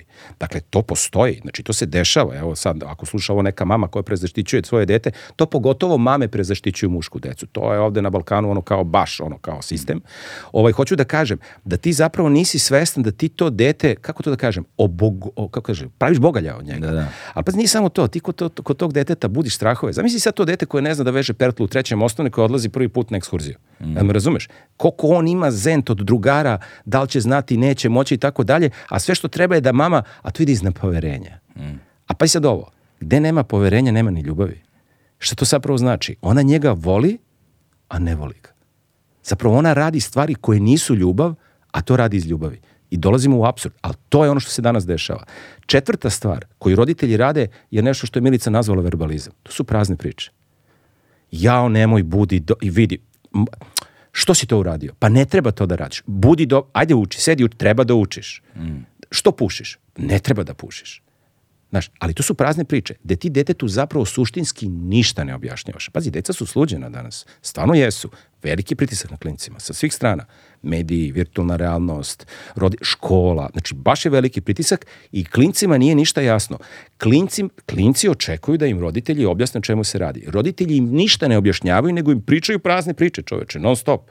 Znači, a znaš zašto? Opet ne zato što su loši, nego zato što ne znaju šta da im kažu. Ne znam da si primetio posle ovoga što je bilo letos u Ribnikaru. Psiholozi su izlazili na televiziju i ponavljali su rečenicu pričajte sa decom. Ja to kad sam gledao na televiziji, meni je došlo da gađam televizor nečim, jer ni u jednom trenutku nisu govorili, a šta da pričam sa decom? Šta da mu kažem? Nemoj da nosiš pištolj u školu. Nemoj da se biješ sa drugarima. Šta to znači? To ne znači tom detetu ništa. Da li ti je jasno? To su mm. prazne priče potpuno. Naravno da on to ne radi zato što želi, imali smo nego mi... zato e, što je odlepio i onda se to pojavljuje kao želja. Imali smo, mi, imali smo mi, mislim, ne bih ulazio naravno u motive nečega što ne znam šta je, a što je moguće da je ono, i, i bolest i šta ti ja znam, ne mogu da ulazim, ne, želim, ne mogu da ulazim u što u taj mm. teren. Ali ono, Uzu sam ekstreman primjer. Da, da, ali ono što bih, ali ono što bih ovaj, pomenuo jeste da nije pitanje bilo samo da razgovarajte sa decom i razgovarajmo sa decom decom, nije pitanje ni samo šta je to ko će razgovara sa tom, kako će roditelj razgovarati s tom decom, šta će da im kaže, ko će da razgovara s tim roditeljima, šta će njima da kaže, ko će da razgovara sa tim nastavnicima koji treba da razgovaraju s decom, ko će njih da edukuje kako da razgovaraju i na koji Tako način, šta je to što Tako treba je. da se saopšti. Evo sad pričam. Da, što, mislim da samo pa hoću kažem da je problem mnogo širi. Apsolutno da, da, da jeste, da, da, da, ali ne možeš da izađeš na televiziju i da kažeš pričajte sa decom, a da ne kažeš šta da pričamo sa decom, jel ti si neki psiholog koji sad ja kao roditelj gledam televiziju, drhtim od straha, roditelji su bili u strahu ogromnom. Mm. I verovatno su još uvek, poprilično, da, no, brzo se zaboravljaju stvari. I peta stvar koju roditelji zapravo rade je nešto što je nazvano u tom, kako da kažem, nazvano zloupotreba imitatorskog načina učenja. Vidi, ono što, što deca, svi mi, ljudi, ali deca pogotovo, deca imitiraju. I to je osnovni način učenja. On te gleda kao roditelja, on tebe vidi, ti si sam njegov svet i on zapravo imitira tebe. Ako si ti budala, teško možda očekuješ da to dete bude neki ne znam kakav, razumeš? Znači, hoću da kažem, mm. i, e sad, šta znači zloupotreba? S jedne strane, zloupotreba je, kako to da kažem, da ti pred detetom, kako da kažem, da te imitira kao lošeg čoveka. Znači, to prosto ti zloupotrebljaš opet njegove izvorne potrebe. Međutim, danas je problem u ekranu. Mm. I ti kada imaš da između realnog života i onoga što je dete se umeće virtualna realnost, ti zapravo imaš sadržaje koji kao po pravilu zapravo nisu kontrolisane strane roditelja. Mislim da ti je potpuno jasno da danas roditelji rešavaju liniju manjeg otpora, rešavaju gomilu stvari tako što deci zapravo uvaljuju ekrane. Uh, roditelji su zbunjeni, ne znaju šta da rade sa svim tim i ti dolaziš do dotle da zapravo deca stupaju u komunikaciju sa virtualnom realnošću, odakle ih bombarduju sadržaj koje realno nemaš kontrolu, ne kažem ti, nego roditelji u proseku i dolazi do formiranja potpuno virtualnih emocija. Dakle, ako dete vidi neki sadržaj od kojeg ne može da uhvati distancu i u njemu se stvori virtualni strah, on ima problem sam sa sobom, kao virtualnom emocijom koja postaje realna emocija, ali koja nije utemeljena u realnosti nego u virtualnom. I dolazi do potpune zloupotrebe onoga što je Bog dao kao predivnu stvar, a to je da imitacijom, gledanjem i onim što čuješ ti zapravo sebe obogaćuješ i ideš u život kao sve bolje i bolje ljudsko biće. Dakle, poenta je da je to taj peti kako da kažem, model vaspitanja. A ja, nažalost, ja, ja, ja bukvalno, pošto to uz majku dok je bila živa, ona je radila te porodične terapije na taj način da su porodice dolazile kod nje kući. To nije funkcionisalo na, kao psihoterapija da se ide godinama i tako dalje. Dođe se jednom, e, ispriča se malo šta kako, detektuje se koje od ovih pet modela zapravo roditelji primenjuju u vaspitanju i onda im se kaže ok, sad odustanite. Ja zapravo šta je priča? Priča imaš ovih pet stvari i nema šeste evo razmisli malo, ti kad komuniciraš s detetom, znači ti nešto tu to koristiš. I onda je pitanje, dobro, a šta da, a, ok, ok, imam problem u porodici, šta da radim sad ja? I odgovor je, apsolutno batali sve. Šta batali? Batali kaznu, batali nagradu, batali prezaštićivanje, odustanje od verbalizma i uzmi potpunu kontrolu nad imitatorskim načinom učenja svoga deteta. U prevodu danas to znači taj ekran, roditelje, ti si odgovoran za to. Znači, to nije nešto, evo ti dete pa se ti zanima, što je danas zapravo situacija, jel ok? Da. I onda se postaje pitanje, a šta ostaje? Šta da radim? Na šta ostaje? Ostaje ludilo. U tom smislu, da, da, da, ali znaš na kom nivou? Ti da. detetu kada uzmeš, pošto danas zapravo kod dece vrlo često ti dolaziš dotle da deca vrlo rano u prečkolskom uzrastu ulaze u potpunu za, u narkomansku zavisnost od virtualne realnosti, od ekrana. I ti ako pokušaš detetu da uzmeš ekran, ti zapravo dobijaš uh, reakciju narkomana, kako se kaže, ono, polterke, je li tako? To je to, zavisničko. Deca počinju da se bacaju po sobi, udaraju glavom u zid, vrte se u krug i tako da, dalje. Da, da. Međutim, vidi, Jest. u tim situacijama ti zapravo imaš to da roditelji odustaju, jel se uplaše, jel okej? Okay? To su iste one priče kad vidiš ono dete koje šizi negde u supermarketu zato što je reklo hoću da mi kupiš. Da, A znaš zašto je rekao hoću da mi kupiš? Pa zato što si ga navikao da kad god nešto poželi ili kad god nešto uradi, ti njemu zapravo na taj način, kako to da kaže, komuniciraš komuniciraš sa njim. Mm. Ja ne znam za drugu komunikaciju. I sad jedan put kad ti se nađeš u situaciji da ti to nećeš, pa čekaj bre, ali ti si ga izdresirao da on tak, da njegov mozak tako funkcioniše. Mm. To kaže tantrum sad, jel tako? Je to da, da, tantrum, ta da, reč, da. eto. Elem, vidi šta ostaje. Ostaje bezuslovno čekanje. Dakle, zatvori to dete u sobu, pobacaj neke jastuke tamo baš da ne udari glavom negde da, i tako da, da dalje da. i sačekaj. Bezuslovno čekanje. Može da traje. Što je starije dete, ali ja ne pričam samo o maloj deci, ti imaš decu 14, 15, 18, 20 godina, roditelji su potpuno, ti imaš mladiće danas koji sede u zamračenim sobama i igraju igrice po 24 sata dnevno. I to roditelji gledaju i mnogo su tužni. Da li me razumeš? Ili mi je jasno da to ne može tako, ali je to tako. I sad kad u takvim situacijama nešto kreneš da radiš, ne možeš da očekuješ od nekog koji ima 18 godina da on sad preko noći nešto i on kao jao, ja sam super, baš sad nešto i tako dalje. Dakle, bez uslovno čekanje. A u tom čekanju zapravo jedino oružje koje imaš, oruđe koje imaš je ljubav.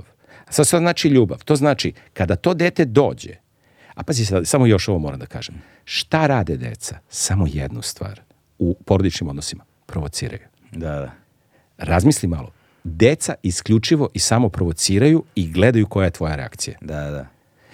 I od tvoje reakcije zavisi dalje kako će ići odnosi. Svaki roditelj koji misle, a imaš roditelje koji misle da je potez na detetu, ju što mi je, ovo dete ništa ne razumem, ju kakvo mi je ovo dete, promeni se. I ja čekam da se dete promeni. Znači, tim roditeljima ništa nije jasno. Uvijek je potez na roditeljima. Znači, tu apsolutno nema priče. I dete će te provocirati, ali ako u toj provokaciji odustaneš od ovih pet moronskih, mm. nametnutih modela, jer ne znamo za drugo, nego samo i isključivo, a pazi sad šta je priča bez verbalizma. Sine, molim te izvini, ja sam te tukao, ja sam te prezaštićivao, pravio sam idiota od tebe, molim te izvini, ovako pred detetom, da klekneš i da ga moliš da ti oprosti, razumeš? I kad na taj način pričaš sa njim, a dete te gleda, a ne znam da si to isto provalio, jesi, roditelj si, da deca, Kada njima ponudiš normalnost, ovako reaguju na normalnost. Mm. Znači, kad detetu kažeš, sine, kad je malo dete, pogotovo, ono po, po, posle malo teže kad je starije, ima da igra igricu, a ti mu kažeš, e, ajde igramo futbal. Na šta će da uradi? Kaže, ti igramo futbal. Da. me razumeš? Znači, ali to... E, sad se vraćamo na sistem, gde su roditelji umorni, došao je s posla, izmoždenje i kad mu, rod, i kad mu sin kaže tata, tata, ajde da igram u futbol, on mu kaže ajde bre, beži, idi tamo igraj onu igricu, ne mogu, ni ja, idem i ja da igram igricu. Jel da, me da, razumeš? Da, da. I to se čini da je na energetskom nivou, to se čini da je na energetskom nivou lakše, ali zapravo na ukupnom energetskom nivou je mnogo teže zato što dovodi do takvih lomova u porodicama koji zapravo čini da se ljudi ne osjećaju dobro sa svojim porodicama. Da, dve stvari, bih, dve stvari bih ja tu samo napomenuo, ovaj, napravio ograde mm. zapravo. Jedna je kao i sa prethodnim, kao, jedna, kao sa prethodnim primjerom, to je uvek postoji taj strah od generalizacije stvari, mm -hmm. dakle ne bih postavio u apsolutističke kategorije, u apsolutne kategorije ovaj, i napravio bih negde ono, odnos prema tome da zapravo ne, neke stvari treba posmatrati individualno od problema do problema i da možda nije za svako, za, za bilo koji od spektra problema uvek jedno rešenje kao tepih kojim pokrivaš sve. Dakle, ipak bih tu napravio jednu ogradu i drugu ogradu koju bih napravio uh, jeste da postoji nešto što je realan svet i u tom realnom svetu dete ima potrebu da se identifikuje, dete ima potrebu da pripada, da bude prihvaćeno. To su sve mnogo važni elementi odrastanja i sazrevanja, a ti elementi zavise u velikoj meri od duha vremena. Uh, da li je, sad to, znači postoji generalno univerzalno pravilo, da li su ekrani, ne znam, loši za ovo ili za ono, jesu. Da li su nam ekrani doneli nešto dobro i doneli su puno toga dobro. Naravno dobrog. da jesu, ja. Da. Ono što je problem jeste kako pronaći pravu meru i na koji način tu meru okay. postaviti i to komunicirati. Mi nemamo generacijskih iskustava unazad sa internetom i sa, u odrastanjima da mi možemo Apsolutno. na Ali evo ja da tebe da pitam da... zdravo razumski, da li misliš evo ti, da. da do treće godine života deteta ima potrebe da dete gleda ne, ekran. Ne, zašto? Nikakve, Tako nikakve. je, okej. Ja ne vidim recimo zašto se u zakonsku regulativu, ako smo već uveli Mislim, u zakonsku... Okej okay mi, okay mi je, recimo mi imamo, mi imamo, fa, mi imamo faznu, zovemo ga bioskop. Super sve u redu, ali to je situacija u kojoj ti kao roditelj imaš kontrolu nad upotrebom tako ekrana. Da, mi u... sednemo i tako pravimo ono, ne znam, je. subotom na primjer, sednemo tako i onda napravimo kao od bioskopa, od svoje, što imamo, jel te, veliki ekran, napravimo ono, zamračimo prostoriju, napravimo bioskop, i izaberemo jedan dugačak crtani i odgledamo ga tako zajedno. Je. Jer vidi, ti ako imaš dete kojem se očuvao izvornost, mm. ti zapravo nemaš problem da to dete vrlo rano, sa 4, 5, 6 godina zapravo može da uhvati odnos prema onome što me vidi i da mu je jasno da li je nešto odvratno bez veze i glupo tak. i da ide ka pozitivnom sadržaju. Ali to kao roditelj da, moraš da. ti da odradiš. Do duše mora sa nadzorom da bude, ali mo počne, počnu polako deca, mi smo Tako sad u fazi počinje, polako da određuje da. samo i da, da. se kreće, da. usmerava, ali mora da postoji nadzor. Ja sam malo pre rekao kad se ogoli cela stvar i kad odustaneš mm. do ovih pet stvari, ja kažem ostaje ljubav, a zapravo i to može da se, kako da kažem, e, e, e, u praktičnom smislu mm. kaže, ostaje, pratiš dete i nudiš detetu. Da, da. Pratiš ga i nudiš mu. Mm. Mora ga gledaš, bre, razumeš? I, kad, i, kad se, i, kad, i kada postavi pitanja, se trudiš da odgovoriš. apsolutno, Tako, apsolutno. Ali da bi mogao da mu odgovoriš, moraš da imaš informacije. Tako je. E sad vidi ovo, ti si malo pre rekao u nekoliko navrata uslovljavanje. Ja sam izgovorio tu reč. Da. Zapravo, glavni problem ove, ove civilizacije, što ono trenutka kad se pojavi svako od nas na ovoj planeti, kreće proces uslovljavanja. Između oslog, da. Pa, po Jest. meni je to glavno. Da, da, da. Ali ne samo, ali ja opet kažem, to ne ide, vidi, time se do sedme godine bave roditelji. Zato što je to ono što je što je svet deteta. Ali to roditelji, opet kažem, ne radi zle namere, rezultati su poprično katastrofalni i to je ovo stanje u današnjoj porodici, koje da. uopšte nije naivno, mnogo je teško, veruj mi. Da. Znači, ja znam iz prakse, ja sam to sve pratio, takvi su bili odnosi snaga u mojoj porodici, da moja majka kad završi terapiju, ona sa mnom priča. Da. Znači, to su žene koje dolaze, da. ima dete od šest meseci, čoveče. Mm. I ona kaže, znam da sam grešna, znam da je strašno ovo što ću reći, ali ja dobijam poriv da ubijem to dete koliko me nervira. Ne. Zašto? Znaš na čemu padaju roditelji u prvih nekoliko meseci?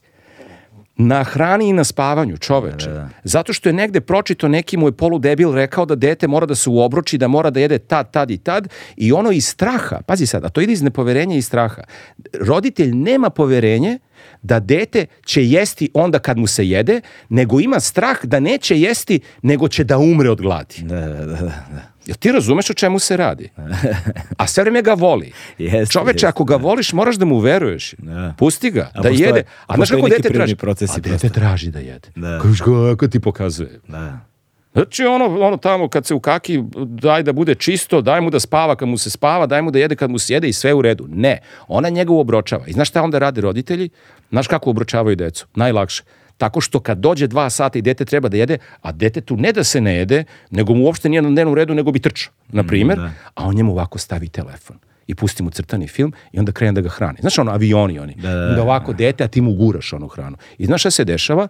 Otuđiš dete od izvorne potrebe za ishranom i dobiješ ono što se danas zove gojaznost. Kaže, mi smo, go, go, imamo problem sa gojaznost. Znači, Dobro, Kako da, da ti kažem? Jasno, ali ok, razumem, razumem u jednom delu razumem, ovaj, samo bih opet, kažem, raširio to jer gojaznost je, pa ne, ali mislim... Ne, ne, jeste. I, od, ali, svašta nešto može da bude. Različiti me psihološki mehanizmi, emocionalni mehanizmi, pa, dinamike nismo civilizacija koja ima problem sa ishranom. Tako je, ali je i priroda izvora hrane i koje Abs, hrane i kakve hrane i kako je procesuirana je. i količine. Ali je mnogo lakše kada imaš kontakt sa svojim da. izvornim osjećajem gladi i da. ne ideš zbog toga što si nervozan, frustriran, za zato što ti je dosadno, a to su situacije koje da, ljudi danas... Da, naravno, naravno, samo hoću da kažem da. da, da, da, da, da, je, da čini mi se da je ono razlozi zašto dolazi od toga su ono dolaze sa različitih strana, da Tako su multifaktorijalni. Ali ja ti opet kažem, ako imaš dete koje ima očuvano to u sebi, da. mnogo je lakše da razume i da u životu prolazi kroz život sa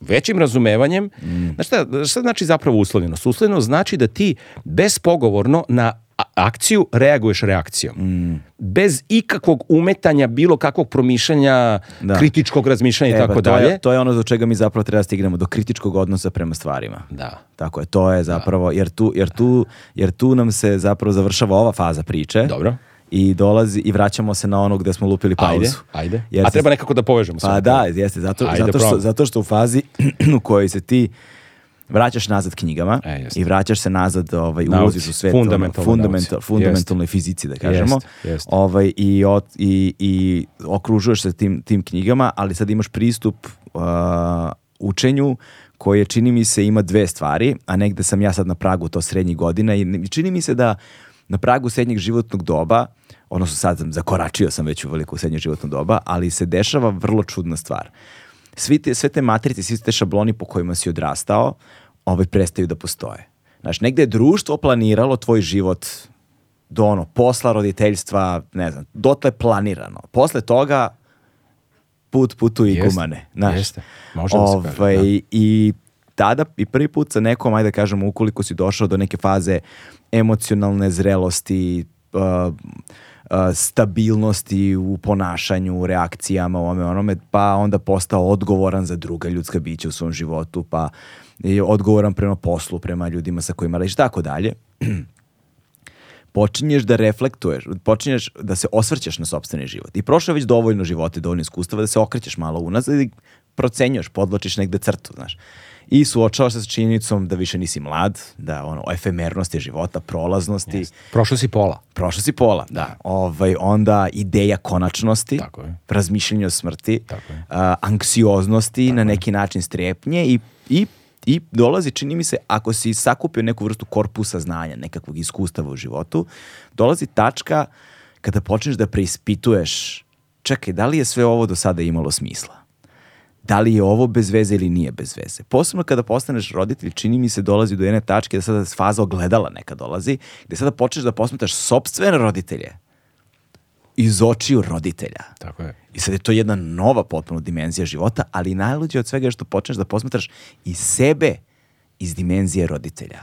I posmetaš svoje dete i onda se sećaš sebe kada si bio dete i ovaj, koliko su stvari delovale tragično, koliko su stvari delovale ozbiljno, koliko su stvari delovale da si ti nešto zabrljao, nisu uopšte bile u tvojoj kontroli. I nekako struktura onoga što sam nazivaš stvarnošću, što smo nazivali stvarnošću, konvencije stvarnosti počinju da se urušavaju i, ovaj, i ta dolazi, to je taj, ta anksiozna faza, dolazi do krize nekakve. Neko će nazvati krizom srednjih godina, neko će nazvati, ne znam kako će nazvati, ali u toj krizi ti sada moraš da da, da zaroniš, da, da, da, da nekako pronađeš mehanizme koje će tebe da postave da. i prema kojima ćeš sad ti da stvoriš nekakav novi odnos prema Kao životu. Kao nekakva potraga za smislom. Tako je, potraga za yes. smislom. Potraga, yes. egzistencijalna neka, yes. egzistencijalna kriza nekakva. Yes. To karakteriše nas kao ljudska bića. Tako, tako je, da. a onda u toj egzistencijalnoj krizi kada se ponovo latiš nauke, i ponovo počneš da prispituješ, onda počneš da prispituješ šta se meni desilo sa obrazovnim sistemom, jer za mene škola bila veliko mučenje. Ove, ovaj, Škola jeste veliko. Znači, I veliko i nije ni, ničeg lepog u mom obrazovanju. Ovako kakva je trenutno. Ovako kakva je trenutno. Da. Znači, I onda sam počeo da prispitujem, ali da li škola treba to da bude? Da li sam ja bio u pogrešnoj školi? Kad kažem pogrešnoj školi, ne mislim konkretnoj školi kao ustanovi ono sa adresom, nego sistemu jednom. Ovaj, i počneš da prispituješ, ok, ako učimo ovo, ko je rekao da ovo treba da učimo? Na osnovu čega je rečeno da to treba da učimo? Kako je taj izbor napravljen? Koje su s kojim autoritetom i sa kojim, znaš, i kada počneš tako da postavljaš pitanja i da imaš skeptičan ili negde kritički odnos prema stvarima, odjedno shvatiš da to možeš da preslikaš na bilo šta drugo. I, ovaj, i tu dolazimo do tačiju koje sad ti se baviš ovim elementima, ovaj, ali počneš da preispituješ i prirodu onoga što si sam učio. I da. kako nastaje to što si izučavao. Pa, evo sad ću da ti kažem, vrlo prosto. Dakle, sad smo opet u 2015. Dakle, ja sad počinjem da se bravim kvantnom fizikom. Da. I sad pazi ovo, kad kažeš kvantna fizika, zapravo ti vrlo brzo skapiraš da kvantna fizika, eh, uz nju ide reč interpretacija. Mm. Eh, dakle, kvantna fizika je interpretacija fenomena i rezultata eksperimenata koji su negde, sada je 100 godina, znači mi sad smo bukvalno jedan vek kako, znači kvantna fizika je zvanično kao nauka, ajde kako da kažem, rođena sa nekim ono predporođenim, ili tako, mm. ono, kao akcijama, ali to su bile 20. godine 20. veka, mm -hmm. dakle sad je 100 godina, i dakle oni su se suočili sa nekim pitanjima na koje nisu mogli da nađu, ajde tako da kažem, zdravo razumske odgovore mm. u tom mm. trenutku, i onda su izvršili nekakvu interpretaciju tih rezultata, eksperimenata, tih fenomena i tako dalje. Čekaj, sada dolazimo do Davida Boma. E, onda dođemo dotle da zapravo postoje Tri interpretacije. Jeste, tri interpretacije koje su zapravo, kako to da kažem, potpuno utemeljene u teoriji, koje nisu eksperimentom oborene, ali isključivo se i samo u školama izučava jedna interpretacija i nju zovu Kopenhaška interpretacija po gradu Kopenhagenu e, zato što je tamo sedeo Niels Bohr i on je bio najstariji, on je tada imao već, čovjek je bio, u, čini mi se, čak i u 60. godinama, ovaj, a svi ovi koji su se bavili klinci, bukvalno kažem klinci, koji su se bavili zapravo postavljanjem kvantne fizike kao nauke, odnosno te interpretacije, su bili u 20. godinama života. I Heisenberg, i Schrödinger, i cela ta ekipa, dakle to su bili, ja ne znam, ja mislim da je to vrlo bitno da se shvati, to su bili momci od 22, 3, 4 godine. Ok, ok, dobro. Tako je. E, odlazili su u Kopenhagen kod velikog tate Bora i u tom njegovom institutu tamo su dešavale te seanse, razgovori i tako dalje i kopenhaška ili ortodoksna interpretacija kvantne fizike. A David Bohm je, e sad, e, Bohmova mehanika kao druga vrsta interpretacije i taj many worlds, ti kao ta, da, kažem, interpretacija tih puno svetova, je tako kažem. Mm. To je mm. ona priča da zapravo, pošto je sve u domenu verovatnoće, da zapravo sad s nekom verovatnoćom ti ja pričamo, ali da je nešto malo drugačije bilo, u nekom paralelnom svetu ti ja ne pričamo. Recimo tako ok sad. Ali sad pazi ovo. Ortodoksna interpretacija, dakle to je ta koja se jedina uči. Znači to je ta koja je, koja, kako to da kažem, koja je jedina u knjigama, u školama i tako dalje. Ona podrazume, ona se bazira na nešto što se zove talasna jednačina. I talasna jednačina je jedna kompleksna jednačina. E sad, pazi ovo, kompleksna jednačina, to, znači kompleksni brojevi su brojevi koji se sastoje od realnih i imaginarnih delova. I jednačina koja se koristi u kvantnoj fizici, u ortodoksnoj interpretaciji, je ima i realni i imaginarni deo. Znači, i zato se zove kompleksna. Jel okej? Okay? Uopšte nije bitno da bilo ko sad razume šta je realno imaginarno, može se neko seća iz škole, nebitno je. Ali je logika sledeća. Kada, ali ja mislim da je to, ja mislim da je to osnovna škola. Kada se deci uvode kompleksni brojevi, kada im se objašnjava šta su kompleksni brojevi, onda im se kaže, pa možemo da radimo tu matematiku tako što razdvojimo to na realni i imaginarni deo i onda izjednačimo realni realni, imaginarni imaginarni i onda imamo dve jednačine. I David Bohm zapravo ništa drugo nije uradio. David Bohm inače vrlo interesantan čovek. On je bio sa Oppenheimer, on je bio u Americi, on je, uh, poreklom je Mađar, tu je s ovih prostora. Uh, u Americi je bio, bio sa Oppenheimerom i on je učestvovao u svim onim akcijama oko onoga, kako se zvao taj Manhattan projekat da, i tako dalje. Da. Vrlo interesantno, on je recimo njegov doktorat, pošto sad oni su i mlad momak bio i svi oni sad kao mora doktoriraju. On nije mogu da doktorira zato što mu je na doktorat bilo udaljeno, udareno top secret. Znači, bukvalno imao problem, nije mogao čovjek da odbrani doktorat zato što to mora javno da se uradi, a američka vojska je došla i rekla ovo me ne sme da se priča. Da, da. da. E, završi se drugi svetski rat, malo samo pričamo da idu u bomu, završi se drugi svetski rat i ne znam koliko, ja sad ima ovaj film Oppenheimer, nisam gledao. Nisam ne znam, ja je čoveče. Ne znam da li je tamo obrađen taj period, ali zapravo je on bio, e, on je, on je bio žrtva lova na veštice. Da. Kako zove onaj McCartu, kako zove onaj... Meni, meni je najgore da. ovaj što, što, što... Proglašen za komunistu. Da, da, da, da. Pa dobro, ovaj, Oppenheimer je koliko ja znam bio vrlo levo, ono, vrlo... Da, on je bio vrlo levo u tom smislu da je ušao u životni problem. Da, da, da. da znači oni da. su bukvalno tamo kre krenuli da, kako se to kaže, progon je bio. David Bom e, nije hteo da ima kompromise, odnosno njega se vjerojatno tražilo da nešto on tu mm. potpiše, učestvuje u nekim tim dizanjima ruku i tako dalje. On se pokupi, ode u Brazil i preko, i preko Brazila vrlo kratko završi u Engleskoj. I do kraja mm. života je bio u Engleskoj i tamo je nastavio svoju karijeru. I početkom 50. godina uh, je, napisao je inače učbenik klasične kvantne fizike koji je bio onako u to vreme jedan vrhunski učbenik, e, sa Einsteinom imao kontakt, Einstein je vrlo kapirao Davida Boma kao mladog u tom trenutku kvantnog fizičara i njega nije mrzelo da uradi jednu stvar. On je zapravo uzeo i tu Schrödingerovu jednačinu koja je bila zapakovana kao jedna kompleksna jednačina i iz nje dalje je cela ta nauka izvedena, cela logika postavke i tako dalje Inače, postoji čuvena Schrödingerova izjava koja kaže da sam znao zašto će da iskoristim ovu jednačinu. On je tu jednačinu napisao nevezano od interpretacije kvantne fizike, nego je onda bilo, ja vidi ovu jednačinu, daj nju da iskoristimo. Da sam znao zašto će da je iskoriste, ne bi nikad, kako će da iskoriste, ne bi nikad napisao. To je istina, to čovjek rekao. Nebitno, nećemo sad imati tu stranu, ovo sa David Bovom ide ovako. I on uzme i primjeni tu osnovno školsku matematičku logiku da sad to mogu da razdvojim na realni imaginarni deo. I sad od jedne jednačine, tup, tup, tup, tup, tup, on dobije dve jednačine. Mm. I 51. druge godine on napiše dva rada o tome gde sad umesto jedne jednačine ima dve jednačine. A pa sad ovo, ti se zapravo baviš fizikom pišeš neku matematiku, ali matematika ne znači ništa, ti zapravo moraš sada da shvatiš šta tebi ta formula zapravo govori, kakav je to fizički model, šta se tu dešava. Kažem, na osnovu jedne načine je razvijen čitav fizički model koji se zove ova kopenhaška interpretacija kvantne da. fizike. David Bohm dolazi do dve jednačine, znači ništa egzotično i onda kaže, pita sebe, čekaj, a šta sad ovo zapravo znači? Jel okej? Okay? Ajde sad na filozofskom nivou ili krajnje uprošćeno, zapravo ti imaš da u, u klasičnoj interpretaciji, u ovoj ortodoksnoj interpretaciji koja izlazi iz te jedne jednačine, ja ću sa krajnje da uprostim, ti imaš ovu situaciju, evo šta je logika, da ta neka čestica kojom se ti tu baviš, jel okej, okay, dakle ona se pojavljuje ni iz čega. Znači, mi ne znamo odakle se ona pojavljuje. Dakle, ona ne postoji dok ne uključimo eksperiment, pre toga postoji samo neko stanje koje je opisano talasnom jednačinom. Kad uključim eksperiment, pojavljuje se čestica. Odakle ona?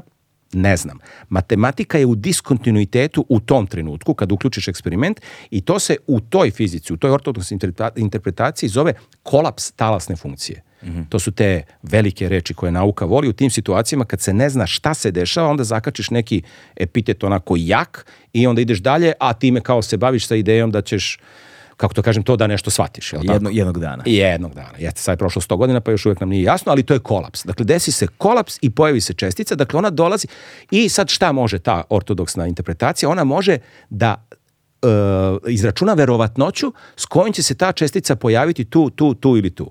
I kad uradi hiljadu eksperimenata, ona se tu pojavi 30 puta, ovde ovoliko, ovoliko i to kako ti poneš eksperimente, ti vidiš da tebi radi taj, kako da kažem, znači ta interpretacija je statistička nauka. Dakle, kvantna fizika je statistička nauka, to je prosto tako.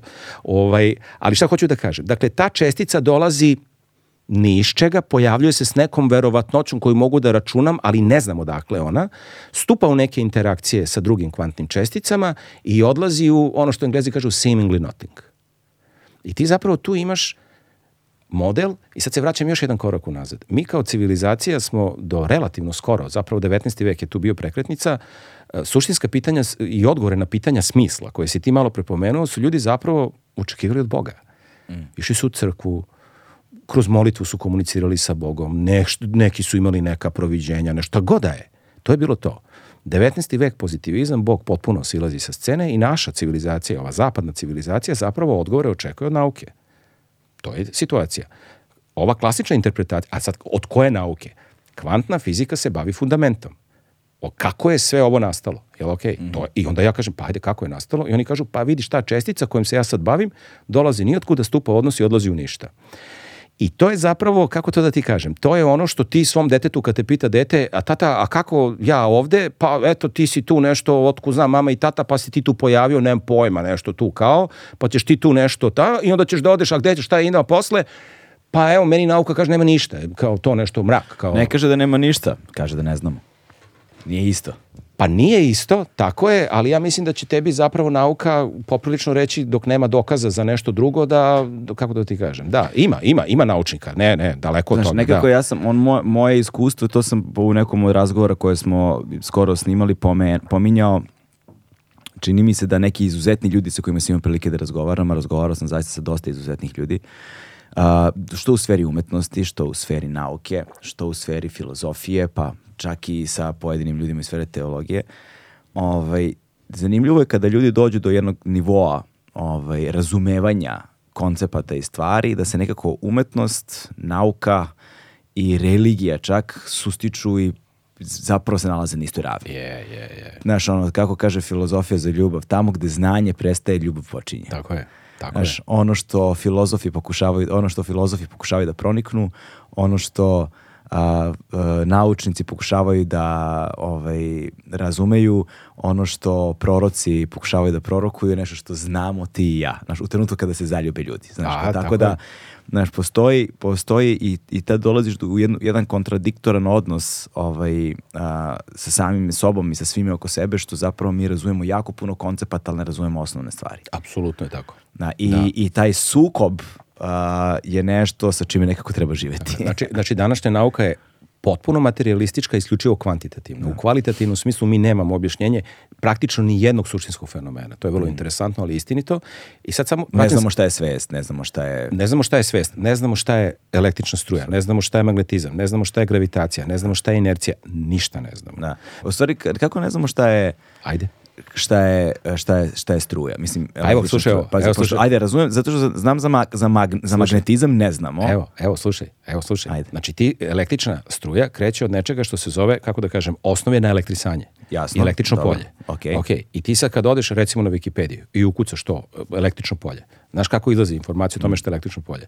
Električno polje je stanje u okolini na elektrisanog tela. Da li razumeš Dobro. sad kad sam ti ovo rekao? Znači da. stanje u prostoru. Ne, ne, da, ja, vidiš, ja, da li da. razumeš da. da. ti dalje ne znaš šta je električno polje? Da, ja razumem, ja razumem. Ne, ne, na električno polje, mislim na konkretno kao električnu struju. Tako ono, je. zato što koliko sam ja pa evo, znaš kako ću ti reći, u osnovi, izvini, molim te, u osnovi svega, znači kad učiš elektrotehniku, znaš da, da kako da, ide da. definicija struje? Usmereno kretanje elektrona, elektrona ili iona, tako je. Tako je. Ali ja ću da ti kažem da mi ne znamo šta je elektron. Da, da. Postoje nekakve u kvantnoj elektrodinamici, postoje nekakve načine, nešto. To što mi u elektroškolama i što mi, naše đake tamo, ja predam elektroškoli i predavao sam svoje elektrotehniku, mhm. to što mi imamo modele gde su to nekakve kuglice koje putuju kroz provodnik, to nema nikakve veze sa realnošću. Taj model nama završava posao i naša trenutna tehnologija da, kako radi. Kako se zove taj model? Taj model ima ime po naučniku. Uh, Planetarni model, to je Bor. Da, Borov, model. Bor, Borov da, model, tako da, je, da, to da. je zapravo ono kako sam ja učio, odnosno kao čitao, a, jesu u suštini dakle da oni imaju određenu težinu, odnosno elektroni, neutroni, protoni, jel te, da su elektroni najlakši, da oni se kreću, jel te, da je to oslobađeno, to je kao negativna i pozitivna, jel te, da onda oslobađanjem zapravo tih elektrona mi dolazimo do negativnog, naš, a onda, i onda da se oni zapravo slobodno kreću, da to kretanje zapravo elektrona proizvodi električnu energiju. E, tako je. Da. Tako je, međutim ti koncepti zapravo ne piju vodu. A ne piju vodu na taj način što zapravo, ja ti opet kažem, u, u, ti imaš vrlo rano u, u razvoju kvantne fizike, zapravo ti imaš da je elektron definisan kao oblak verovatnoće. I sad ja tebi kažem, ok, ako je elektron oblak verovatnoće, šta god to značilo, ni na jedan način ne mogu da, da ga definišem kao kuglicu koja putuje da. i da. nešto pomera tamo jedna na drugu udara i tako dalje, a s druge strane jako liči zato što postoje te neke analogije i sa akustikom i tako dalje, ali zapravo tapkamo u mraku. Zapravo tapkamo u mraku na, na mnogo nivoa, mogo bi sad idem na tu stranu, ali se nešto razmišljam da ti završim sa one dve jednačine sa bomom. Aha, okay. Šta se to desilo? Da, da, da. Ja dobio dve jednačine čovjek, jel mm. okej? Okay? Mm. I sad kaže, dobro, šta sad to znači? I on je sad razvio potpuno drugo tumačenje naše fizičke realnosti. Rekao sam ti malo pre tumačenje, čestica se pojavljuje s nekom vratnoćom. Nijotkuda tu nešto stupa u neke interakcije s drugim česticama i odlazi nigde. Ok.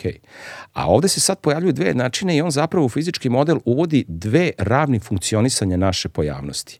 Dakle, on uh, koristi terminologiju implicit order i explicit order. Poredak, I, implicitni i eksplicitni Kao poredak. neki nivo recimo, da, nivo ili poredak, da. da. Ali vidi o čemu se radi. U eksperimentima kvantne fizike mi zapravo isključivo i samo komuniciramo sa eksplicitnim. Eksplicitnim okay? poredkom, da. I eksplicitno je to što je ovde. Međutim, iza njega, ajde tako da se izrazim, postoji implicitno. I u implicitnom, ono što bomba mehanika dopušta je da ona dopušta nešto što se zove nelokalnost. Naša savremena fizika je lokalna. Šta to znači? To znači da ako imam jednu tačku, ta tačka ni na jedan način ne može biti povezana sa ovom ovde tačkom. U našoj fizici postoji jedno vrlo interesantno ograničenje koje je uveo Einstein u svojoj teoriji relativnosti, e, koje kaže da ni jedna informacija, ni jedna pojava, ni jedan pokret ne može da se kreće brže od onoga što je brzina svetlosti. Što znači da ako se nešto desi u ovoj tački, ta informacija može da dođe do ove tačke, ali je potrebno vreme da ta informacija putuje maksimalnom brzinom od 300.000 km u sekundi i da se onda to nešto desi ovde. Ne posto... Znači, naša današnja nauka ne poznaje mogućnost da ova tačka i ova tačka jesu spojene direktno spojene. Osim u kvantnoj fizici. Vidi, jedan od velikih problema savremene nauke, što kvantna fizika i teorija relativnosti koje su na nivou idolopoklonstva danas, kako da kažem, ni jedna ni druga se ne osporavaju, one ne mogu da koegzistiraju. je, da. To je potpuno jedna, kako da kažem, još jedan, kako da kažem, i po meni je to još jedan pokazatelj te neke šizofrenosti u kojoj mi kao civilizacija da. zapravo funkcionišemo, ali Inače, vrlo interesantno da u kvantnoj fizici postoji taj eksperiment, opet je to, a to je vrlo interesantno, to je Einstein upravo uveo, taj EPR, on, on je to zvao spooky action on the distance. To je taj entanglement koji da. postoji, da. gde zapravo sad i u eksperimentu, ti eksperimenti se recimo rade, misle da su kinezi to radili prošle pretprošle godine u toj verziji, to je prvo rađeno na dva ostrava recimo. Mm. Oni ovako uvežu dve čestice, naprave entanglement je kad je nešto pertlesu entanglement, kad da, se da, da, zamrse. Da, da, da. E to. Oni naprave taj entanglement, kako to da kažem, dve čestice uvežu, aj tako da kažem. Da. I to rade e, vrlo prosto i onda ih razdvoje. Pa onda kao dva ostrava, a Kinezi su recimo slali satelit gore, pa to razdvoje na koliko mi ljudi možemo da razdvojimo. Ali u teoriji možeš da ih razdvojiš na dva kraja univerzuma. Da, da. mi testiramo na ovim nekim rastojanjima koje su nama dostupna, ali uvek iznova se pokazuje da stanje jedne čestice u trenutno definiše i stanje druge čestice. Da, da. U tom smislu da tu postoji nešto... Uzemna povezanost. Tako je. Postoji neka vrsta povezanosti. U tom smislu da je to eksperiment koji zapravo na neki način nagoveštava mogućnost da postoji nešto što je nelokalnost. E sad, Bom kaže da, moja cela interpretacija podrazumeva nelokalnost i u implicitnom, kome mi ljudi nemamo pristup, mi komuniciramo sa tim česticama preko eksplicitnog, u implicitnom to je zapravo informaciono polje u kojem je postoji veza između svih tačaka i u onim situacijama kada je informacija takva da čestica treba da se pojavi u eksplicitnom, ona se pojavljuje u eksplicitnom, ali ne, sa, ne slučajno, ne seemingly from nothing, nego baš zato što treba da se pojavi na tom mestu i u tom trenutku stupa u interakciju sa ostalim česticama u eksplicitnom i sa tako zanovljenom informacijom se vraća u implicitno. Da bi se cela, jer pazi, ti tu imaš učenje, ti zapravo da. tu imaš napredak i učenje, imaš povratnu spregu između eksplicitnog i implicitnog. On čak tu ima i jedan član koji on zove kvantni potencijal. Dakle, jer to je to što ti kažem. Tamo ako piše u neka slova K, X, A, B, mora se zna šta je K, šta je X, šta je B, šta je A. Jel me razumeš? Mm. E, jedno od tih slova, tako da kažem, je zapravo fizička veličina koja se zove kvantni potencijal. To je taj, kako da kažem, energetski neophodan, kako da kažem, upliv da bi se desilo ta komunikacija između implicitnog i eksplicitnog. Mm. Da je ta njegova teorija na vrlo predivan način zapravo dopušta da tih ravni postojanja ima jako puno, a mi ljudi zapravo isključivo i samo možemo da komuniciramo sa eksplicitnim. I ti kad tako postaviš stvari, ti zapravo otvaraš jedan način filozofskog razmišljanja u tom smislu da, kako da kažem, pojavi se bre smisao, razumeš? Mm. Dakle, nije ovo to što mi u eksplicitnom vidimo da je to nešto potpuno nama random i slučajno, ne. To je zato što mi nemamo nikakvu komunikaciju sa implicitnim, jel me razumeš? Da, da. da. A Bom je rekao, evo vam ovo. I znaš šta se desilo? Ništa. Da. Recimo ti imaš na YouTube-u u Minhenu A inače su Nemci zakuvali celu priču zato što i Heisenberg i Schrödinger i sva ta mlada ekipa koju sam pominjao, to su zapravo bili Germani, Nemci, Austrijanci i tako dalje.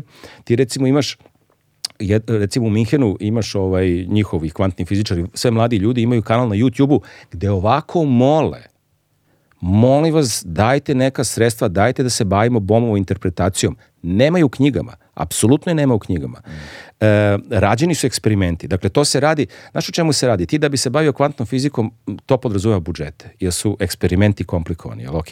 Znači, prosto zahtevni su finansijski. I ti ako nemaš finansiranje nečega što je tvoja ideja da testiraš, ti zapravo imaš problem. Naravno da je Bomova interpretacija testirana, znači to je nešto što je sad već više od pola veka i nikada nije ni na jedan način ugražena, jel ok?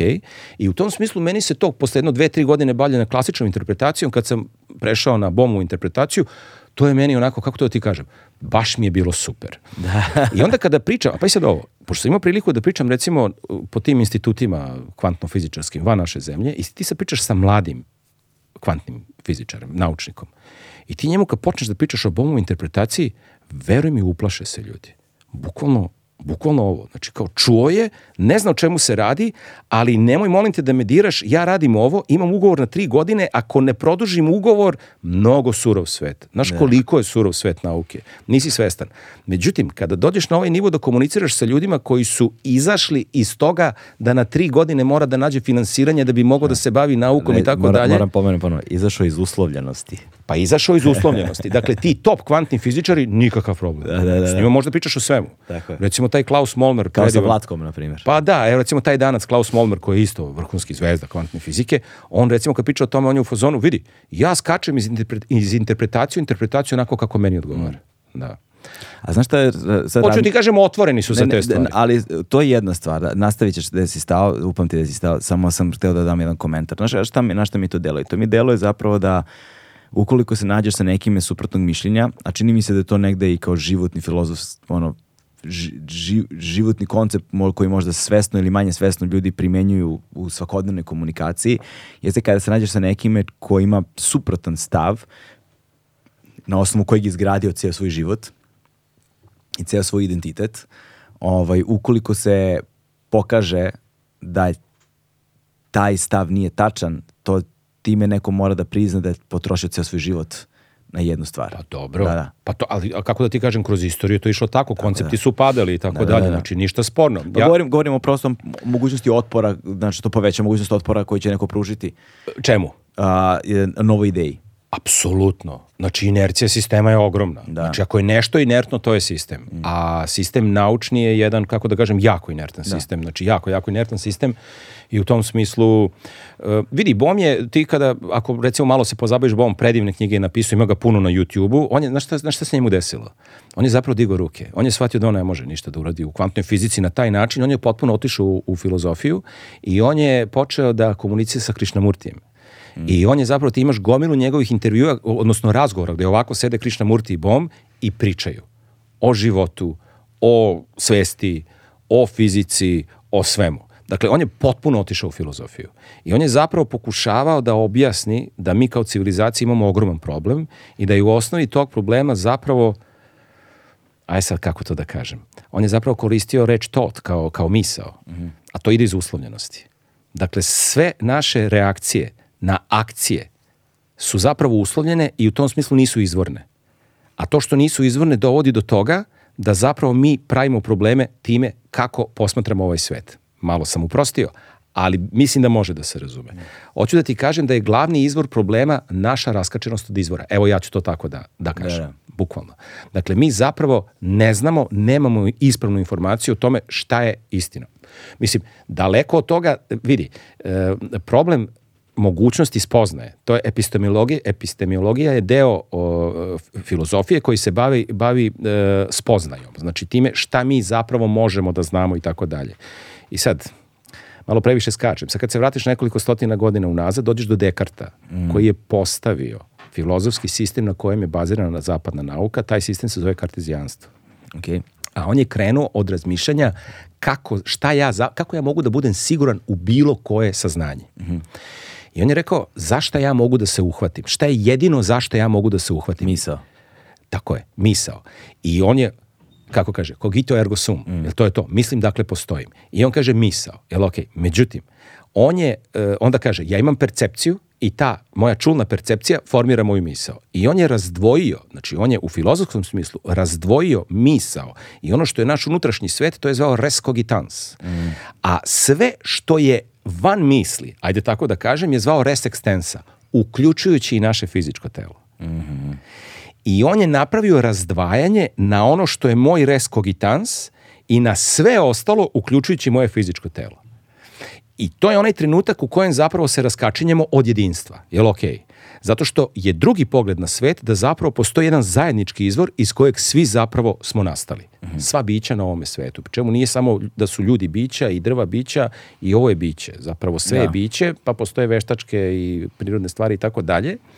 A onda dalje ide priča tako što je isti taj Dekart zapravo kada je razmišljao dobro, a šta se dešava sa našom čulnom percepcijom i šta je to što ja zapravo mogu da usvojim kao nekakvu informaciju na osnovu koje dobijam da nekakvu spoznaju u ovom svetu, zapravo je on, kako da kažem, zajahao na nečem što je demokritova filozofija. A to mi ništa.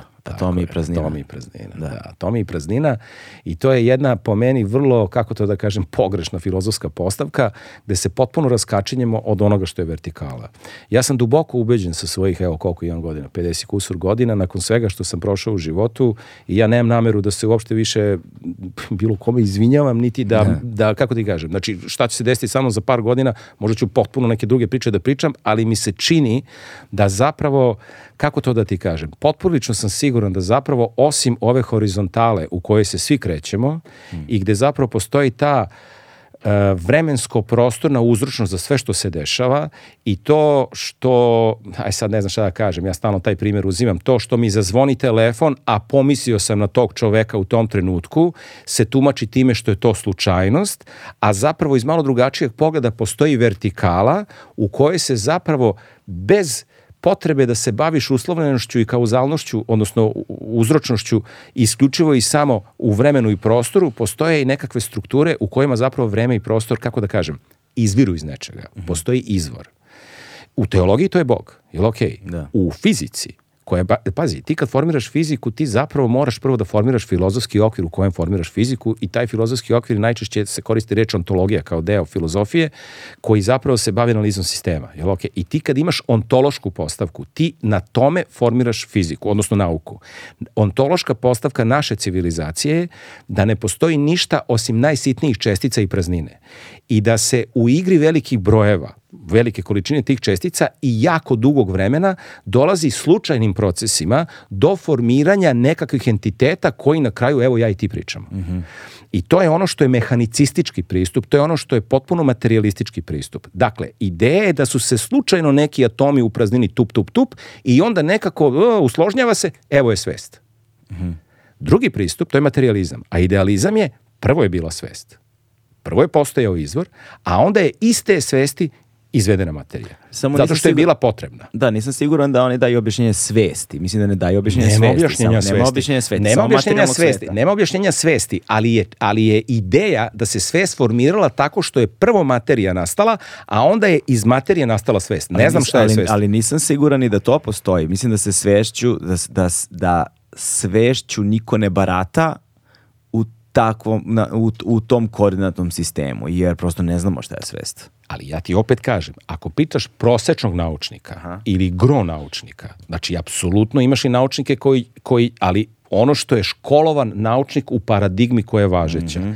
I kad mu kažeš kako je nastao čovek, zapravo je čovek nastao, ali to ide iz Demokritove misli koja je u našu civilizaciju preko De Dekarta i njegovo kartezijanstvo zapravo postavljena kao ontologija na koje je cela kasnije nauka razvijena. Mm -hmm. okay ne znam da li si svestan, ti u 17. veku imaš Njutna i Leibnica koji su razvili diferencijalni račun. To, da, to znam, diferencijalni da. račun, da, šta znači diferencijalno? Diferencijalno znači da kad matematiku koristiš da bi opisao neku pojavu, ti ideš u sve sitnije i sitnije. Mm -hmm.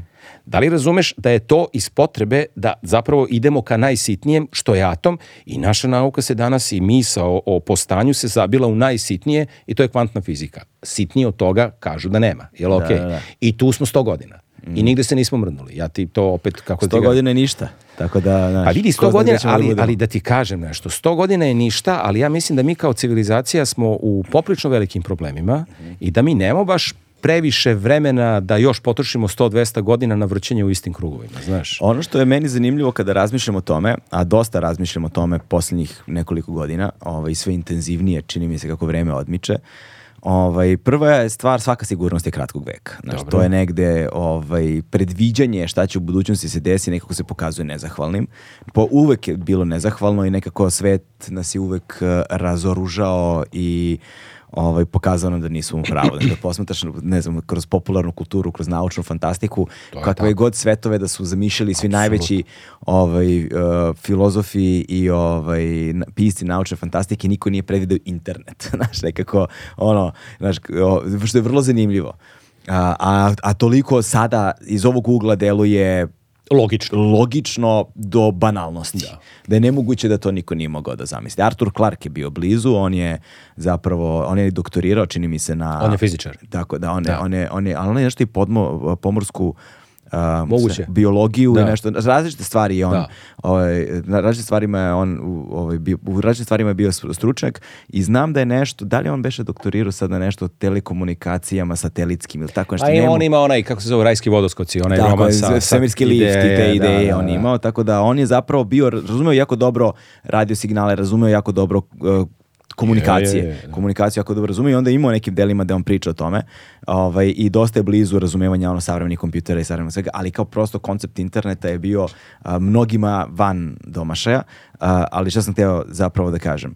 A, to je da u, u, u ovome u čemu mi govorimo a, svaka sigurnost je, dakle, kratkog veka, svaka predviđenja su nezahvalna, a pritom smo došli u vreme ono eksponencijalnog rasta brzine. A, ubrzanje. Ubrzanje je strahovito. Da. I teško je predvideti šta će biti za godinu dana. Jeste. A ne šta će biti za 30 ali ili 50 Ali neki trendovi se naziru, ali si da. potpuno da. pravu pitanje da će ti trendovi biti realizovani. Ko zna, jeste, ko zna šta jeste, može da jeste. nam se desi. I, I osim ubrzanja, čini mi se da u ovom našem savremenom okruženju dolazi do i jako velike diferencijacije. Mm, tako je. Jeste. Znaš, kao... Polarizacija. E, koja polarizacija. Znači, polarizacija. Koja je rezultat tog velikog ubrzanja Jeste. i neophodnosti da ti zapravo doneseš odluku. Ne samo velikog, ne samo velikog ubrzanja, nego, nego, nego rezultat i još jedne stvari, a to je specializacije. Jedna stvar koju sam primetio u razgovorima sa brojnim stručnicima jeste da je, da je, da je, da je ta trka, ta konkurentnost dovela um, da bi bio konkurentan u određenoj delatnosti, šta god da je, ti moraš da posjetiš više vremena nego oni tvoji, nego oni, pro, mhm. nego, i dru, nego oni drugi. Mhm a da bi posvetio više vremena nego onaj drugi koji posvećuje isto vremena koliko i ti, moraš da počneš ranije. Uh -huh. A onda onaj, da bi neki treći bio konkurentni od tebe koji si počeo ranije, mora počne još ranije. Uh -huh. I dolazimo do toga da čovek, uh, izgubili smo taj ono re, antički tip ličnosti uh -huh. koji je imao širinu u razumevanju stvari i došli smo do specijalizacije. Dakle, a kada dođeš do specijalizacije, atrofiraju ostali aspekti. Absolutno. I onda smo izgubili u jednoj velikoj meri interdisciplinarnost. Dakle, mogućnost komuniciranja među naukama s jedne strane, a s druge strane ovaj, i, kada, i, i, i na jezičkom nivou. Dakle, pojmovi više ne znače isto u različitim oblastima. Dakle, s jedne strane, a s druge strane, a, a, ta, ta, ta duboka specializacija je to gubljenje interdisciplinarnosti. Ovaj, sad, ta duboka, duboka specializacija podrazumeva i a, viš, specializaciju u više različitih oblasti. Naprimjer, ti sada da bi bio konkurentan u polju medicine, ti moraš da razumeš i kompjutere, i programiranje, i pravljanje kompjuterskih modela ono kroz kod i veštačku inteligenciju da bi se bavio određenim aspektima, ne znam, neuronauke. Jeste. A vrlo često zapravo ti ništa nije jasno kako zapravo funkcioniše ljudsko biće. Tako je, a sve vreme, a sve da. vreme nemamo predstavu ono šta je svest, na primer. Na primjer, na da. primer, da, na primjer da, jedna da. od osnovnih jest. stvari. I kako da izlečimo prehladu. Na Da. prehladiš se i nikako ne možeš se izlečiti. I gojaznost, Nego, recimo, da, recimo da, to, da, hodali smo po mesecu, ali da imamo debele ljude. Jest, jest, Ali vidi da ti kažem, ja te opet vraćam, ta visoka, kako da kažem, diferencijacija i u nauci isto. Imaš ono milion nekih vrsta nauka, svi se bave u fokusu su na nešto sitno. To opet ide iz kartezije Laplacijanstva, diferencijalnog računa i svega toga što je put naše civilizacije. Mm. I samo ovo hoću da ti napomenem. Taj put, to je 400 godina. Da. Do tada to nije bilo tako. Do tada je bilo malo drugačije. Mm. Ti si imao nešto što je ta ontologija Dekartova, no bože Dekartova, da, Dekartova i Demokritova, da. Mm. To je došlo do Dekarta preko čoveka koji zove Isaac Bikman, koji je njega zapravo, kako kažem, upoznao sa Demokritovim pogledom na svet i on je to prosto zapakovao taj, kao jednu stvari u tom kartezijanstvu i to je ovo što smo mi danas. Uh, a ti imaš da pre toga hiljadama godina, recimo u sanskritu postoji reč tribuana. To je ono sveto trojstvo, duh, uh, kako beše, telo, duh i um. E, e, tako je, pa to imaš recimo u hrišćanstvu, imaš da, da, znam, otacin, sveti duh i da, da. tako da. dalje. Ali oni zapravo uvek idu, to je ta tripartitna ontologija, da, to je da, sad da. drugi pogled na svet. I to si imao i kod Pitagore, i kod Platona, i, mm. i u mm. hrišćanstvu i tako dalje.